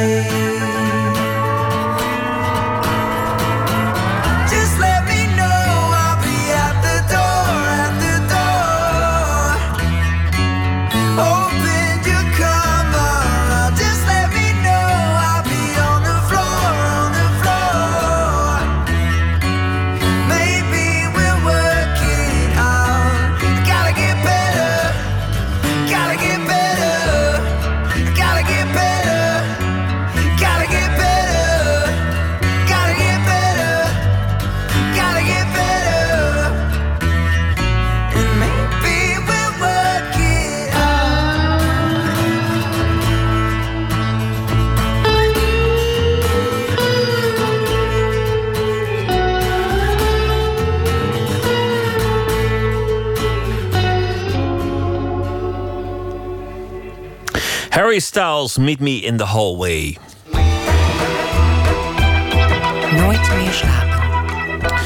Bibeb interviewde tijdens haar leven zo'n beetje iedereen die ertoe deed in die tijd in Nederland. Politici, schrijvers, kunstenaars, maar ook buiten Nederland deed ze dat. Ze werd in Nederland eh, de grondlegger van het persoonlijke interview. Maar zelf bleef ze een mysterie. Adinda Akkerman schreef samen met Roos Menkhorst een boek... Bibeb, biechtmoeder van Nederland. En ze gingen op zoek naar de vrouw achter dat mysterie. Adinda maakte samen met onze verslaggever Emmy Colau dit verslag van de zoektocht. Toen Bibep mij interviewde, toen eh, ja, was ik ook nog wantrouwend tegenover Bibep. Zij was een linkse tante, zal ik maar zeggen. Het is zaterdagochtend, 9 uur, als de telefoon gaat. Uh, goede herinneringen aan dat interview met Bibep. Ruud Lubbers aan de lijn. Hij wil graag ingaan op ons verzoek te praten over Bibep. Welk jaar was het? In 73. Of Ja, 74, sorry, 74. Ja, Ja, toen was ik een jong minister van Economische Zaken. En ik denk dat het op het ministerie is geweest. Als een oud-premier jou opbelt, dan weet je dat je een bijzonder onderwerp in handen hebt. Ik ken het wel vrij goed. Het was een aangenaam iemand. Ja.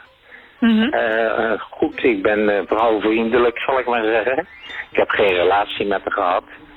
Maar ze was een eh, eh, opvallend iemand, amabel. We zijn dan nog maar net begonnen aan onze zoektocht. Iedereen die we vervolgens spreken, blijkt zonder uitzondering decennia later nog vol van haar. En je kwam meteen in persoonlijk contact. Je, je werd er snel maatjes mee, zal ik maar zeggen. ja, en hoe deed ze dat? Door ge- gewoon persoonlijk heel aardig te zijn. De journaliste Bibeb is overleden op 95-jarige leeftijd. Elisabeth Maria Lampe-Zoutberg, zoals ze eigenlijk heette... wordt gezien als de grondlegger van het portretterende interview. Mijn collega Roos en ik studeerden nog journalistiek toen we voor het eerst over haar hoorden. Het was na haar dood, in 2010. In 2008 ontving Bibeb een tegel, de belangrijkste journalistieke onderscheiding voor haar hele oeuvre. Zelf was ze toen niet bij de uitreiking. Zij was in haar tijd een bijna onaantastbare grootheid. Waren de powers that be beledigd als Wim Kan hen niet te graas had genomen. Meetellen deed je even min als Bibeb jou niet urenlang, tientallen uren lang desnoods in beslag had genomen. Maandag overleed Elisabeth Maria Soutberg, beter bekend onder de naam Bibeb. Zij werd 95 jaar en van die 95 jaar droeg ze 40 jaar lang de titel Koningin van het Interview. Interviews die ze publiceerde in Vrij Nederland en waarvoor ze soms wel vijf nachten bij de geïnterviewden bleef logeren. Iemand vijf dagen lang interviewen. Dat is even andere koek. Tegenwoordig moet je al blij zijn als je een uurtje krijgt met een bekende schrijver of twee vragen mag stellen aan Rutte terwijl hij van het torentje naar de kamer loopt. Filmmaker Frans Wijs herinnert zich nog goed hoe het was om geïnterviewd te worden door Bibeb. Ik maakte een vergelijking met dat ik als een soort paard aan een... Ankie van Gunsven die mij letterlijk door de piste heen begeleidde... en me dingen liet zeggen die, als ik ze nu teruglees... dan denk heb ik dat al... Het zijn dingen die ik had willen zeggen. Bibeb was de eerste journalist die vanaf de jaren 50 persoonlijke vragen ging stellen. Ook aan politici, wat voor die tijd absoluut nat dan was. Als u nou zwanger zou zijn, zou u het dan laten aborteren? vroeg ze aan Nelly Kroes. Denkt u dat Klaus homoseksueel is? Aan Freule Wittewaal van Stoetwegen. Vragen die zelfs in deze tijd nog brutaal klinken. Ik ben geïnterviewd door Ischa, daarna door Bibeb en nu door Koen Verbraak. Nou, dan heb je dus meteen de grote drie. Dus. En bij haar heb ik echt het idee van... Ik wil dat ze terugkomt. Ik bedoel dat ze... Want ze heeft... Het is echt een interview waarbij ik dingen heb gezegd waarvan ik dacht... Heb ik dat allemaal durven zeggen? Bibeb was pas tevreden als haar geïnterviewde dat onthulde wat hij juist niet wilde vertellen. Maar wie was ze eigenlijk zelf? Dat bleef haar hele leven een mysterie. Ze zei zelf dat er ook weinig te vertellen viel, maar wij wagen dat te betwijfelen. Alleen de droge feiten maken al nieuwsgierig. Ze zat in een jappenkamp. Ze was een gescheiden werkende moeder in de jaren 50. En ze maakte zo'n beetje de hele 20ste eeuw mee. But I'm feeling so sad. We benaderen Bibebs kinderen. Haar dochter laat al snel weten niet te willen praten. Haar zoon heet ons wel welkom in zijn huis. Het huis in Scheveningen, waar Bibeb het grootste deel van haar leven woonde. We nemen bloemen mee, omdat Bibeb dat ook altijd deed. Dat valt niet in goede aarde. Het roept negatieve associaties bij hem op, zegt de zoon. Hij blijft weigerachtig om te praten. Het archief dat lonkt vanuit de zijkamer blijft gesloten. Door de onverhoedste aanvallen op Amerikaans en Brits gebied heeft het Japanse keizerrijk bewust gekozen voor een beleid van geweld. Bibeb woonde in de jaren 40 met haar eerste man in toenmalig Nederlands-Indië. Duizenden Nederlandse vrouwen en kinderen zijn bijna vier jaar lang in kleine huisjes en krotten samengepropt in voor blanken onhoudbare omstandigheden. In 1942 wordt ze samen met haar zoontje van 10 maanden oud geïnterneerd in verschillende jappenkampen. Slechts één keer schrijft ze direct over die tijd. En ook dan met tegenzin. Ze schrijft: Het lijkt op het poetsen en etaleren van dingen die ik niet wegsmeet, maar toch wel begroef. Is dit de reden dat ze nooit iets van zichzelf weggaf? Geïnterviewden suggereren van wel. Zo zegt prinses Irene, die jarenlang een relatie had met kampoverlever Joop van Tijn. Ik denk dat ze überhaupt niet al over haar, haar verdriet sprak met mensen. U denkt meteen wel dat er verdriet zou ging. Ja, denk ik. Zeker, ja. Waarom? Ja, waarom? Ehm, ook gewoon in, in, in, haar, in haar blik en in de, ehm, in de keuzes en, eh, en ook misschien juist in de, in de, in de, de, de- de behoefte om door mensen, om mensen tot mensen door te dringen. Ja. Bibeb gaf nooit interviews. Zo wordt herhaald in alle necrologieën. Voor de zekerheid duiken we toch in het archief van beeld en geluid. In de kelder van het gebouw staat een lange lege tafel. Een archivaris houdt een oogje in het cel. We typen in. Bibeb. En dan, tot onze verbazing, beeld. Bewegend beeld van Bibeb. Voor lezers van het Weekblad Vrij Nederland, maar waarschijnlijk ook voor een heleboel andere mensen, is Bibeb een begrip. Sinds jaren Het is een interview in het programma Vrouwelijkheden. Zijzelf heeft, zij, heeft zich, naar ze mij zei, nooit laten interviewen. Het is mij daarom een extra genoegen haar hierbij aan u voor te stellen. Bibeb, kun je mij zeggen hoe je die eh, interviews noteert? Doe je dat met een tape recorder? Uit je hoofd? Nee, eh, ik schrijf alles heel vlug op. In korte, afgekorte woorden natuurlijk. En ik probeer zo te schrijven dat, ik, eh, dat de mensen vergeten dat ik schrijf. Want ik geloof dat dat een essentieel punt is. Dat ze niet zien dat je noteert. Ze vergeten het ook wanneer je hun blik vasthoudt terwijl ze vertellen. Ja, ja. Ze lacht nerveus. Maar als presentator Rubenstein kritische vragen stelt, zie je steeds meer vuur in haar ogen. Zo'n man die zich, of een vrouw die zich laat interviewen... die heeft natuurlijk wel een beetje in zijn hoofd wat hij eigenlijk zou willen vertellen. Maar er zijn dingen die hij niet prijs wil geven. En daar zit ik achterheen. Dat is het enige wat mij enorm boeit. Ja. En wat me ook verschrikkelijk opwindt, terwijl ik het doe. En ik voel ook terwijl ik het doe aan mijn emotie... of dat interview goed wordt of niet. Hè? Af en toe krijg ik dan dat gevoel van, "Nou, dit wordt goed. Dan is er iets, iets heel vreemds. Dan zie ik dat de, dat de vent dingen zegt die, die, waar die eigenlijk die uit zijn mond rollen. Hè? Waar, die, waar die eigenlijk wel zijn tong wel kunnen afbijten. Hè? Over haar eigen ervaring met abortus hoort u nu Bibeb. Ze is helemaal niet zo terughoudend. was zo dat ik eh, dat gewoon een donderslag voor me was. En dat ik alleen maar één ding wist, dat kan helemaal niet. Want Er blijkt nog een interview te zijn. Een radio-interview waarin Bibeb maar liefst 20 minuten lang over haar twee illegale abortussen praat. Want je moet toch wel erg graag het willen hebben. Wil je, wil je daar echt wil je het zo verzorgen en er zoiets ook later voor zijn dat, dat, je dat, dat het kind daar iets aan heeft. Dat dat het later terug kan zien eh, op een, eh, op een lekker thuis, aardige ouders.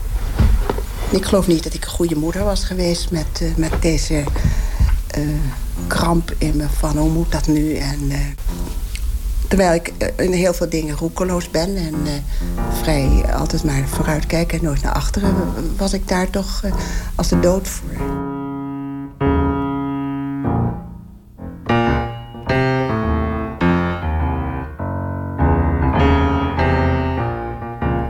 Af eind jaren 60 stopt ze in het openbaar met over zichzelf praten.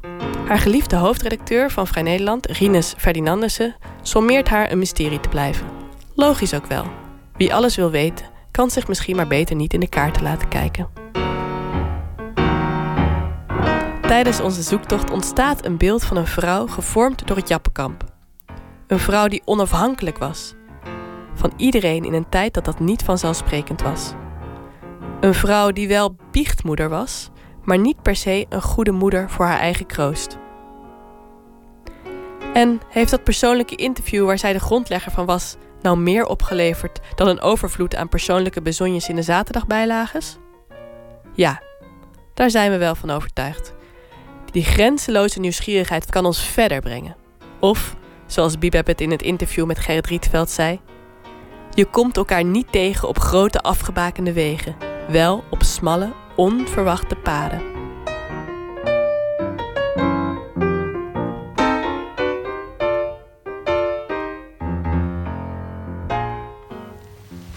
Bibeb, Biechtmoeder van Nederland, heet het eh, boek van Roos Meenkorst en Adida Akkermans.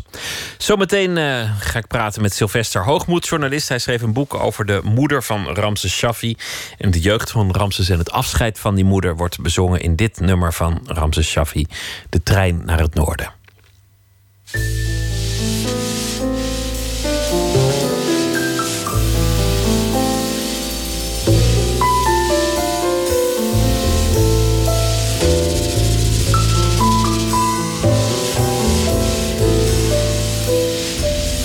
Je stond onbewegelijk in tranen op perron toen ik klein was.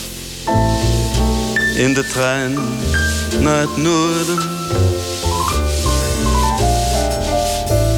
We keken elkaar na in de ondergaande zon toen ik klein was. In de trein naar het noorden. Onbewust besefte ik dat het nu voor mij begon, hoewel ik klein was. In een trein naar het noorden. Ik zong ons slaapgebedje, zo hard als ik maar kon omdat ik klein was. In een trein naar het noorden. Ik viel onbeheerd in slaap. In de schoot van een wagon. Toen ik klein was. In de trein naar het noorden. Je staat voor mij nog steeds op een wegstervend perron. Omdat God ons gebedje niet verhoorde.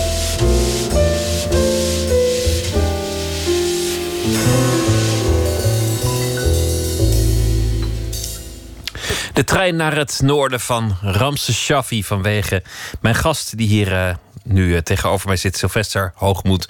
Journalist die zich uh, heeft beziggehouden met het leven van Ramses Shaffi en nu ook met de moeder van Ramses.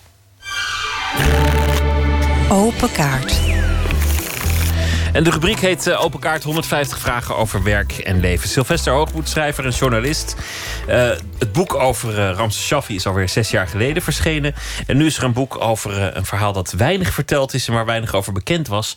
Namelijk de oorsprong van Ramses Shaffi... en vooral het verhaal van zijn moeder. Het nieuwe boek heet dan ook De Moeder van Ramses. Sylvester Hoogmoed, welkom. Ramses Shaffi die, die vertelde graag over zijn afkomst... maar elke keer net iets anders.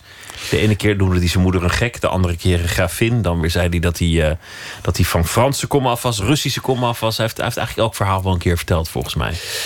Ja, en elk verhaal klopte ook wel. Tenminste, ze was misschien geen gravin... maar uh, ze is hoogstwaarschijnlijk toch wel... was ze van goede afkomst. Hè. Ik heb een brief van haar echt heel duidelijk... door in haar handschrift in het Russisch gevonden. En die heb ik laten vertalen en ook laten bestuderen... door mensen die daar verstand van hebben. En die concludeerde dat dat toch wel geschreven was door iemand die A. het Russisch uitstekend beheerste en B. het Russisch, het gedragen Russisch schreef dat de mensen uit de betere klasse van voor de Eerste Wereldoorlog eh, gebruikte in Rusland. Dus, en ze kon zich ook uitstekend handhaven in de hoogste kringen eh, in, in Frankrijk en in België. Dus ze was van hoge kom af. Ze was Russin. Ze was ook een beetje gek. Ze ging volledig haar eigen gang. Eh, dus ja, het klopt allemaal wel. Elk verhaal is een, een, beetje waar Ja. en ook een beetje onwaar. Zoals Ja. eh, Ramses Shaffi eh, betaamt. Die, die moeder die, die is in ieder geval wonderlijk. Of ze gek is, is een tweede, maar ze is in ieder geval opmerkelijk.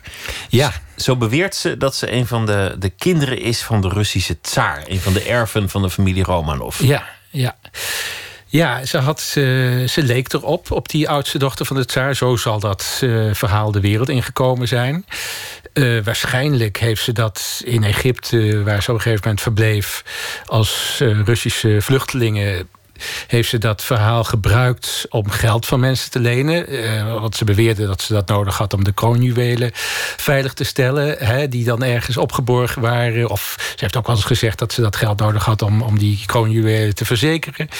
Dus eh, ja, zo gebruikte ze die, eh, die zogenaamde afkomst.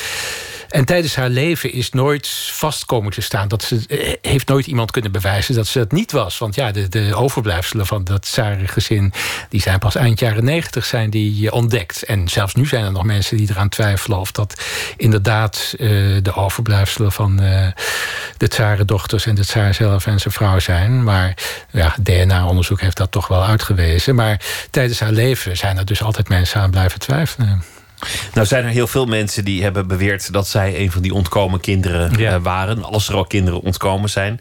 En velen hebben zich ook gemeld bij de bank om, eh, om Ja. een gedeelte van de rekening daar eh, te plunderen. Zo ook dus deze vrouw, Alexandra Therese Wisocka, Pools-Russisch was ze. Wat ik, wat ik opmerkelijk vind is hoeveel je hebt kunnen vinden over deze vrouw. Ja, dat, dat was voor mij ook een aangename verrassing. Eh, er blijken in, in België worden sowieso alle vreemdelingendossiers van mensen die daar ooit, eh, van buitenlandse afkomst, die daar ooit verbleven zijn, die worden bewaard in het Rijksarchief. En die zijn ook toegankelijk. Dus dat, daar had ik al heel veel aan. Want ze heeft eh, in vijf- 1935 is ze daar kort een jaar lang geweest met Ramses. En na de oorlog heeft ze er ook het grootste gedeelte van haar leven sindsdien eh, gewoond. Dus daar heb ik heel veel uit gehaald. En dan in, in eh, Frankrijk bleek er gelukkig ook een vreemdelingendossier over haar bewaard over de periode voor de, de Tweede Wereldoorlog. Verder eh, bleken er eh, nogal wat processen te zijn geweest die ze gevoerd had. Daar waren ook stukken van te vinden. Eh, er bleken krantenknipsels te zijn. Die kon ik deels eh, via het internet vinden. Want vooral in Frankrijk zijn eh, heel veel kranten inmiddels ontsloten via het internet. Via de Nationale Bibliotheek van Frankrijk. Dus gaandeweg vond ik steeds meer. En ik vond ook nog via Facebook nota bene. eh, ik wist dat er een brief aan Ramses gestuurd was door iemand die beweerde dat hij meer wist over, over zijn moeder. Een, een zekere meneer Van Akker uit Logistie. En nou ja, toen heb ik eens gezocht op de naam van Akker en Logistie gewoon op Facebook. En toen vond ik de dochter van die meneer. En wonder boven wonder was, waren de brieven die die meneer had van de moeder van Ramses inderdaad. Die bleken er ook nog te zijn. Dus zo boorde ik weer een nieuwe bron aan. En zelfs de, de, de geluidsopnames van Ramses die onder hypnose aan zijn therapeut vertelt, Ja. die heb je kunnen beluisteren. Ja, en daarin, daarop praat hij niet rechtstreeks over zijn moeder. Maar je kunt wel merken dat hij veel eh, herinneringen ophaalt aan waarschijnlijk toch zijn jeugd aan de Côte d'Azur. In ieder geval spelen die verhalen zich daar vaak af. Dat kun je merken omdat hij het heeft over auto's, automerken die zich in de jaren 30, eh, die in de jaren 30 rondreden. Hij heeft het eh, over het eh, casino van Monaco, van Monte Carlo. Nou, dat soort opmerkingen. Veel verhalen, daar is hij echt een kind dat daar speelt aan de Côte d'Azur. Dus dan, ja, dat is ook wel logisch natuurlijk dat je in zo'n toestand teruggaat, echt naar je vroegste jeugd. En dat hij zich dat, dat dan herinnert. Die, eh, die moeder van hem, die ja, was ook een beetje een parvenu. Ze probeerde zich steeds eh, naar binnen te werken in de chique kringen. De, de, Ja. de mooiste hotels, Ja, de, de, ja, de, beste restaurants, ga zo maar door. Ja. En het lukte er ook stelselmatig. Ja. En dat niet alleen. Ze had ook echt contacten met, met, de, met de meest uh, interessante mensen. Haar advocaat, de, de, de advocaat waar ze na de oorlog het langst mee gewerkt heeft... dat was een hoogleraar, zelfs een rector van de Vrije Universiteit Brussel. Ze, ze, had veel contact met een andere advocaat van haar. Dat was de, de, de senaatsvoorzitter in België. Ze is zelfs, heeft ze een tijdje als advocaat gehad in Frankrijk... een kleinzoon van Karl Marx, wat daar ook een bekend socialistisch Kamerlid was. Nou, noem maar op. Een hele bekende Italiaanse edelman... die zo'n beetje verwant was met alle vorstenhuizen in Europa. En ook met... Uh, wiens moeder ook nog bevriend was met de tsaar, Nicolaas II. was ze ook duidelijk bevriend mee, getuige twee kaarten vol geschreven door die man die ik gevonden heb in haar nalatenschap. Dus um, ze moet op de een of andere manier iets gehad hebben ik denk niet alleen die afkomst. Want bijvoorbeeld, een van die advocaten wist wel dat zij niet echt een tsarendochter was. Of in ieder geval, die geloofde daar niet in. Maar ik denk dat het toch haar charisma geweest is, haar persoonlijkheid. Plus dat ze een hele goede pianiste was. Waardoor die mensen toch onder de indruk van haar waren. Er wordt ook gefluisterd dat ze misschien wel spion was. Ja. En, en dat, dat durf jij toch ook niet van de hand te wijzen? Nee, zeker niet. De, de politie verdacht haar daarvan. En die heeft nooit. Dat is altijd zo gebleven. Er is zelfs in een Zwitsers archief. Uh, heb ik een uh, document uh, gevonden waar toen ze dreigde naar Zwitserland te gaan tijdens de oorlog, uh, de politie voor haar waarschuwde van er wordt vermeld dat zij een spion is geweest. En dat was nog in Rusland. Toen zou ze gespioneerd hebben voor de Fransen. Ja, daarna is ze weer door de Fransen ervan verdacht, althans de Franse vreemdelingenpolitie, uh, dat ze een spion voor de Russen zou zijn geweest. Ze ging om met in ieder geval een andere spion. Uh, ja, het is een raadsel. Ik heb het niet kunnen oplossen, dat raadsel, maar ik, heb, ik kan het zeker niet voor de, van de hand wijzen. De politie heeft het nooit kunnen bewijzen dat het zo was, maar ook niet dat het niet zo was. De vader van Ramses Shaffi was een Egyptische diplomaat in Parijs. Het, de, de relatie hield geen stand tussen de twee. Nee. En uh, uh, Ramses Shaffi is, en dat, dat is wel een vaak verteld verhaal. Daar gaat het ook het liedje over dat we net hoorden. Uiteindelijk in een pleeggezin in Nederland Ja. uh, terechtgekomen. De trein naar het noorden, een ervaring van toen hij vier jaar was. Vier of vijf, ja. Vier, vijf jaar. In ieder geval vlak voor de oorlog. Ja. En, en een, een, eh, een thema waar hij nu dan over zingt. Dit, dit is zo begin jaren 70, eind jaren 60. Ja, ja. Dan, dan is hij al, eh, al, al een aardig wat jaartjes ouder inmiddels. Maar dat heeft hem zijn hele leven bezig gehouden. Ja. Hoe, hoe belangrijk is, is die moeder om Ramses Shaffi te begrijpen? Ik denk uh, ja, ja, dat hij op een gegeven moment door die moeder in de steek is gelaten. Dat heeft natuurlijk toch voor een trauma gezorgd. En ja, ik denk dat hij zich daar wel redelijk overheen heeft gezet en dat hij daar goed mee heeft leren leven. Zeker toen hij wat ouder werd. Uh, en zeker na, zijn, na de Bachwan-tijd. Maar um, ik denk dat het hem in, uh, in de, de jaren 60 en 70 uh, zeker parten heeft gespeeld. Hij had toen wel te maken met toch ook depressievere perioden. En hij heeft ook wel eens gezegd in een interview van dat hij niet goed met liefde kon omgaan. Hè? Dat mensen hem niet. Uh, ja, als mensen hem liefde gaven, dat hij dat toch moeilijk vond. Dat hij dan de neiging had om zo'n relatie. Uh, om die mensen uit te testen. Want die gaat vast ook weg. Mijn moeder is ja, weggegaan, precies, ja. dan zou jij ook wel weggaan. Zo ging dat, ja. En, en hij kon zich ook niet hechten, zelfs niet aan een huis, zelfs niet aan bezit. Nee. Aan zelfs een, een auto benauwde hem al om, Ja, om, om te hebben. Alle, alles Ja. wilde hij eigenlijk niet hebben om een soort vrijheid na te streven die gewoon bestond uit niets hebben. Precies, ja, dat is zo. En dat had die moeder net zo. Dus ja, we weten natuurlijk niet wat zij heeft meegemaakt. Je denkt dan al snel aan de Russische revolutie, waar natuurlijk. of de Russische burgeroorlog met name na de revolutie. toen dat natuurlijk vreselijke dingen zijn gebeurd in, eh, in Rusland. En ja, ze was een Russische vluchtelinge. Dat, dat mag je toch wel. f- dat staat toch wel bijna vast. Eh, dat werd ook wel verteld in, in kringen in Egypte, waar eh, onderzoek is gedaan in de jaren 30 naar haar afkomst.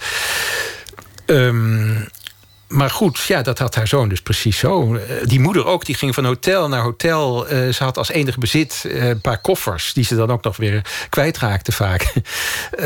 Ja, eh, ze, Ze, heeft... ze leken toch wel, wel op elkaar. Zullen Ja. we beginnen met de kaarten? Want Ja. dat is eigenlijk de aard van deze rubriek. Ja, Wil je vragen ben, om, een, eh, eh, om een vraag te trekken? Oké. nou. Waarvan heb je spijt?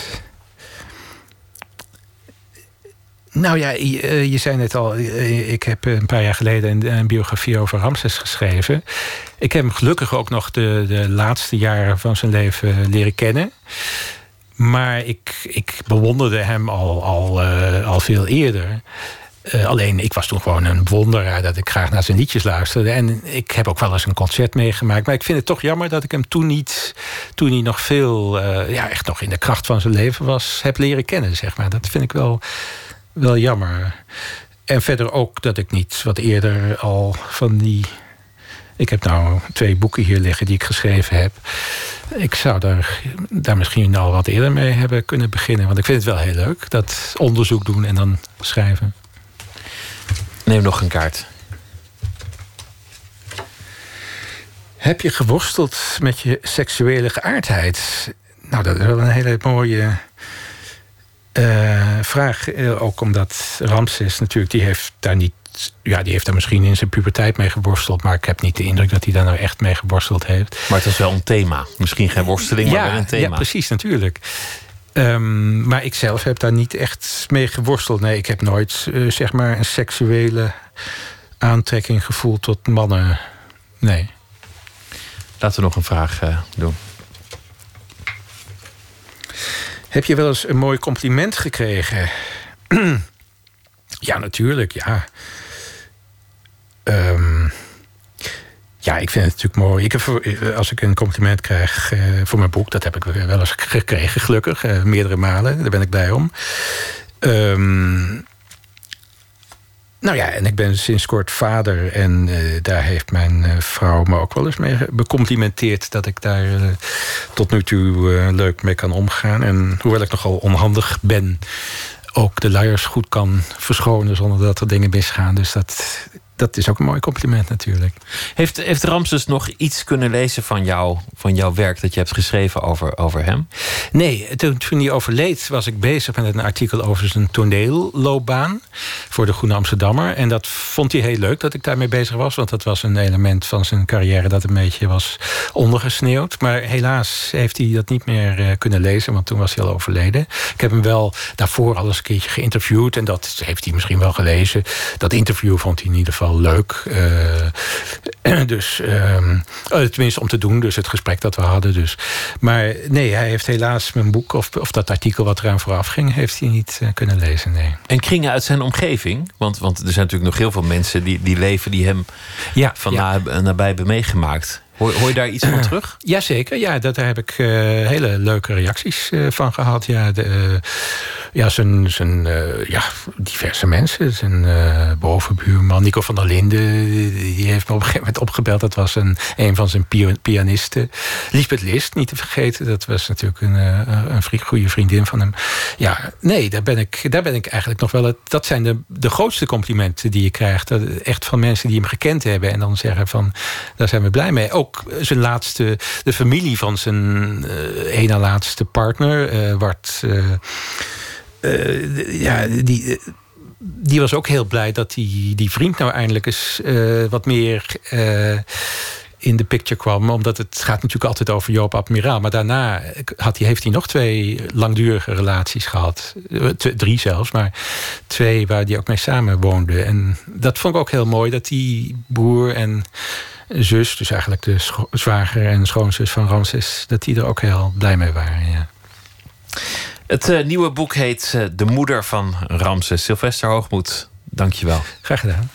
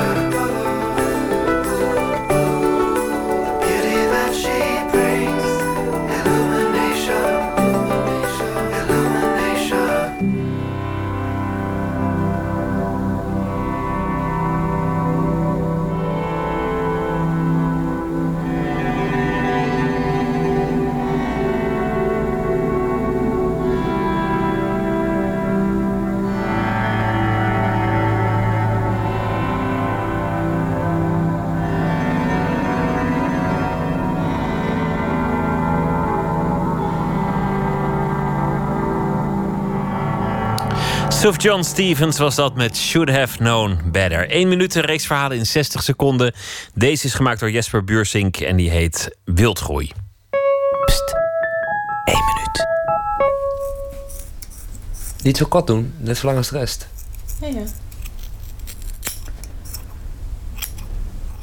Ja, dat is wel grappig. Eh, want er zijn dus mensen die, die denken altijd dat ik een bruik op heb. Of die beginnen heel hard aan mijn haar te trekken. Gewoon in willekeurige kroegen of op een dansvloer. Omdat ze gewoon denken dat het niet echt is. Mensen herkennen mij door mijn haar. Ik mag in reclames meespelen door mijn haar. Mijn haar brengt me op een of andere manier heel veel geluk. Hoe raar dat ook klinkt. Is hier helemaal niet zo lang. Dit. En vroeger eh, had ik mijn haar juist heel erg netjes altijd. Ik ging het juist altijd onderdrukken, die wildgroei van mijn haar. ging Ik altijd onderdrukken met, eh, met heel veel gel en een heel stijl en heel veel zo'n grote pot gele gel. En dat dan helemaal plat drukken op je hoofd en dan je haar netjes maken. Het rare is dat ik op die manier dacht mijn identiteit te hebben, uniek te zijn. Eigenlijk kwam ik erachter dat mijn haar mijn identiteit was. Ja, het ziet er goed uit, mijn haar zo. Niet te veel veranderd.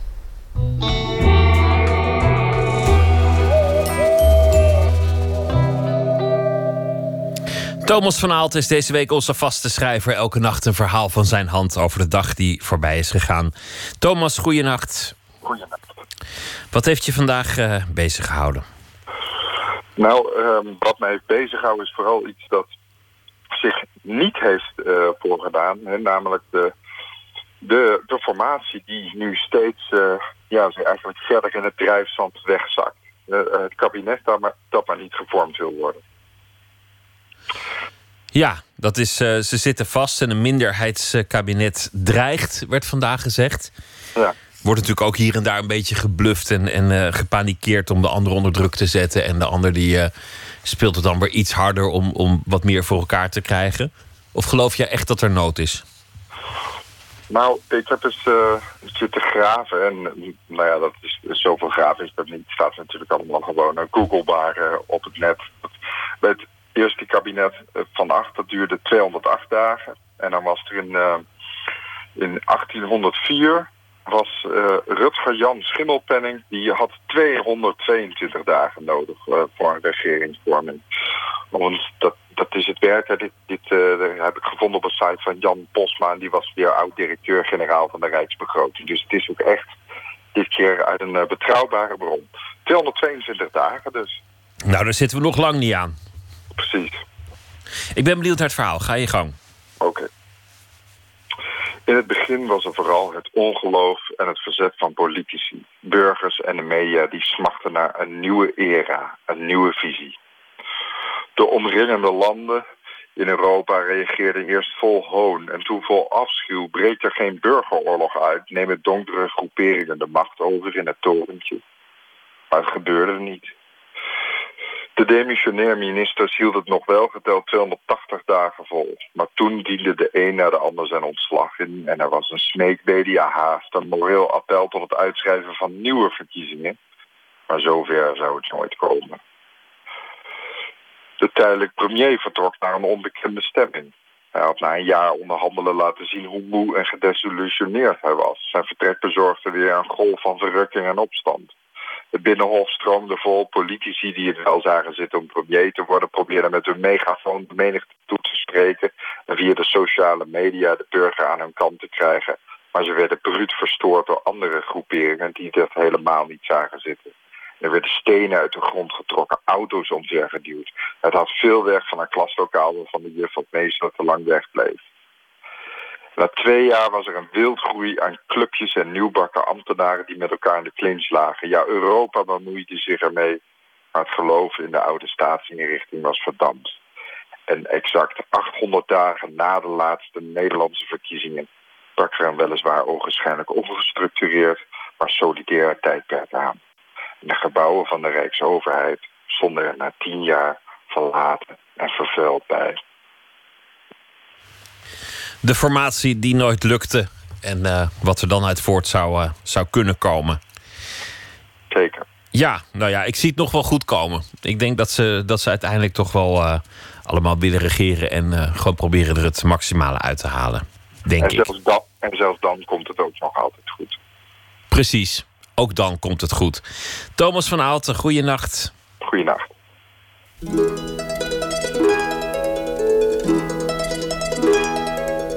Wednesday morning at five o'clock as the day begins. Silently closing her bedroom door, leaving the note that she hoped would say more. She goes downstairs to the kitchen, clutching her handkerchief. Quietly turning the back door key. Stepping outside, she is free. She. We gave her most of our lives. Is leaving. Sacrificed most of our lives.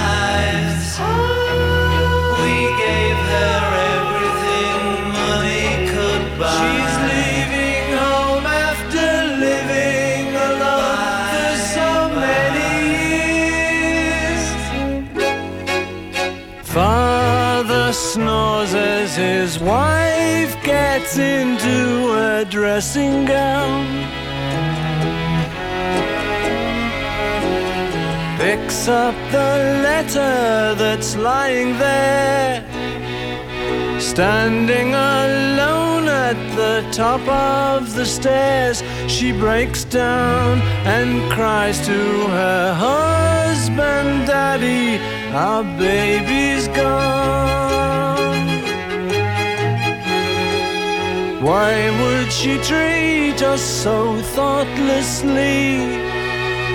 How could she do this to me?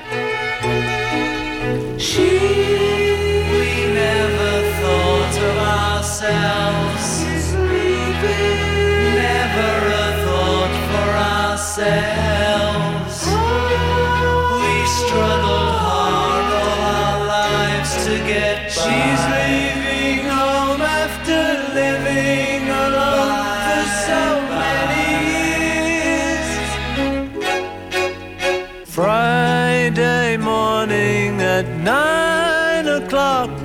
She is far away. Waiting to keep the appointment she made. Meeting a man from the motor trade. She. What did we do that was wrong?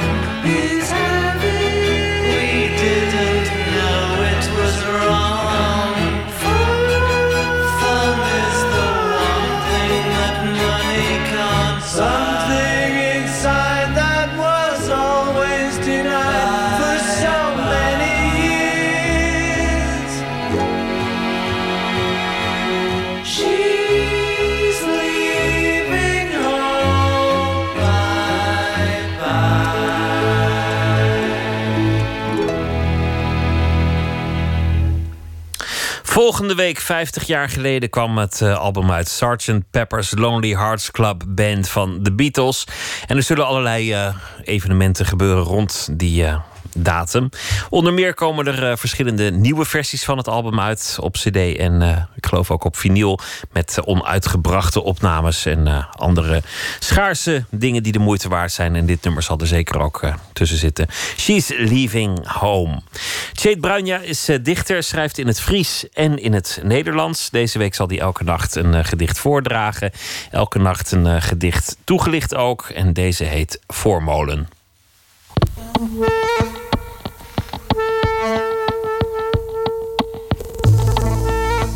Voormolen. Rivaal. Onder hun rokken ruikt het naar oud zaagsel. Ze kauwen erop en herkauwen de dagen. Ze sabbelen op je kadavertje als je het tevoorschijn haalt. Het onder hun rokken duwt, om de dieren eens rustig met elkaar te laten praten. Wrok de schijn, gras dat zwart hangt te zuipen van het stille bruine water.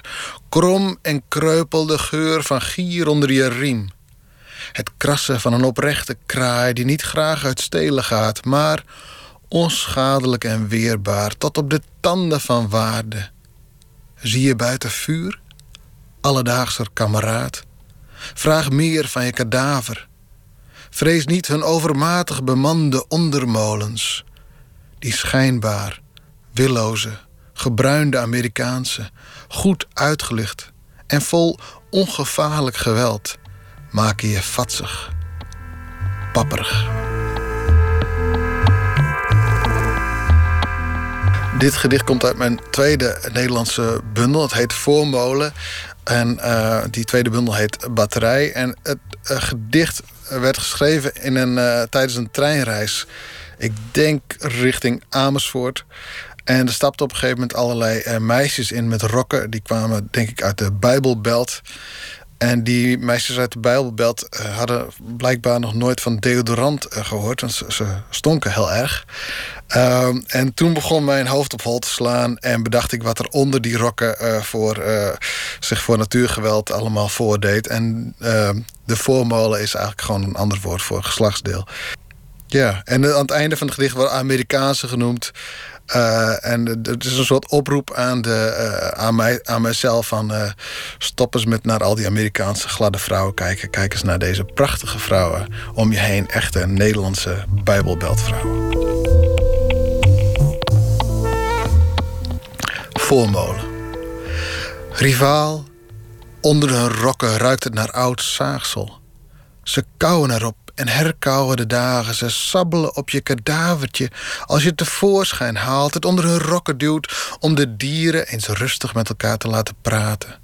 Wrok, de schijn, gras dat zwart hangt te zuipen van het stille bruine water. Krom en kreupel de geur van gier onder je riem. Het krassen van een oprechte kraai die niet graag uit stelen gaat, maar onschadelijk en weerbaar tot op de tanden van waarde. Zie je buiten vuur? Alledaagser kameraad. Vraag meer van je kadaver. Vrees niet hun overmatig bemande ondermolens. Die schijnbaar willoze, gebruinde Amerikaanse, goed uitgelicht en vol ongevaarlijk geweld, maken je vatsig en papperig. Voormolen, een gedicht gelezen door Chait Bruinja. Morgen komt Saman Amini langs. Hij speelde spraakmakende theatervoorstellingen Nobody Home en Jihad. En sinds vorig jaar zit hij bij het Nationaal Toneel. En hij is daar nu te zien met The Nation. Een zesdelige theaterthriller over een verdwijningszaak in Den Haag in de Schilderswijk. Op het Holland Festival zijn de drie afleveringen achter elkaar te zien. Dat uh, morgen en dan uh, zit hier... Uh, Esther Naomi Perquin.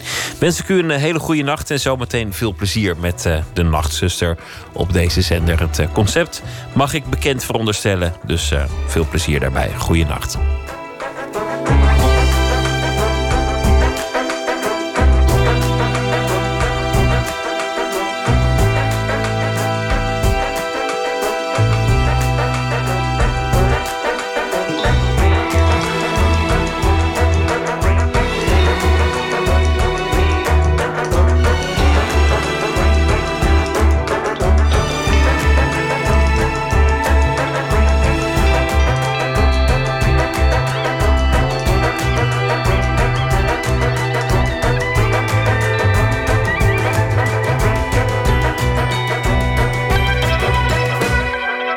Radio 1. Het nieuws van alle kanten.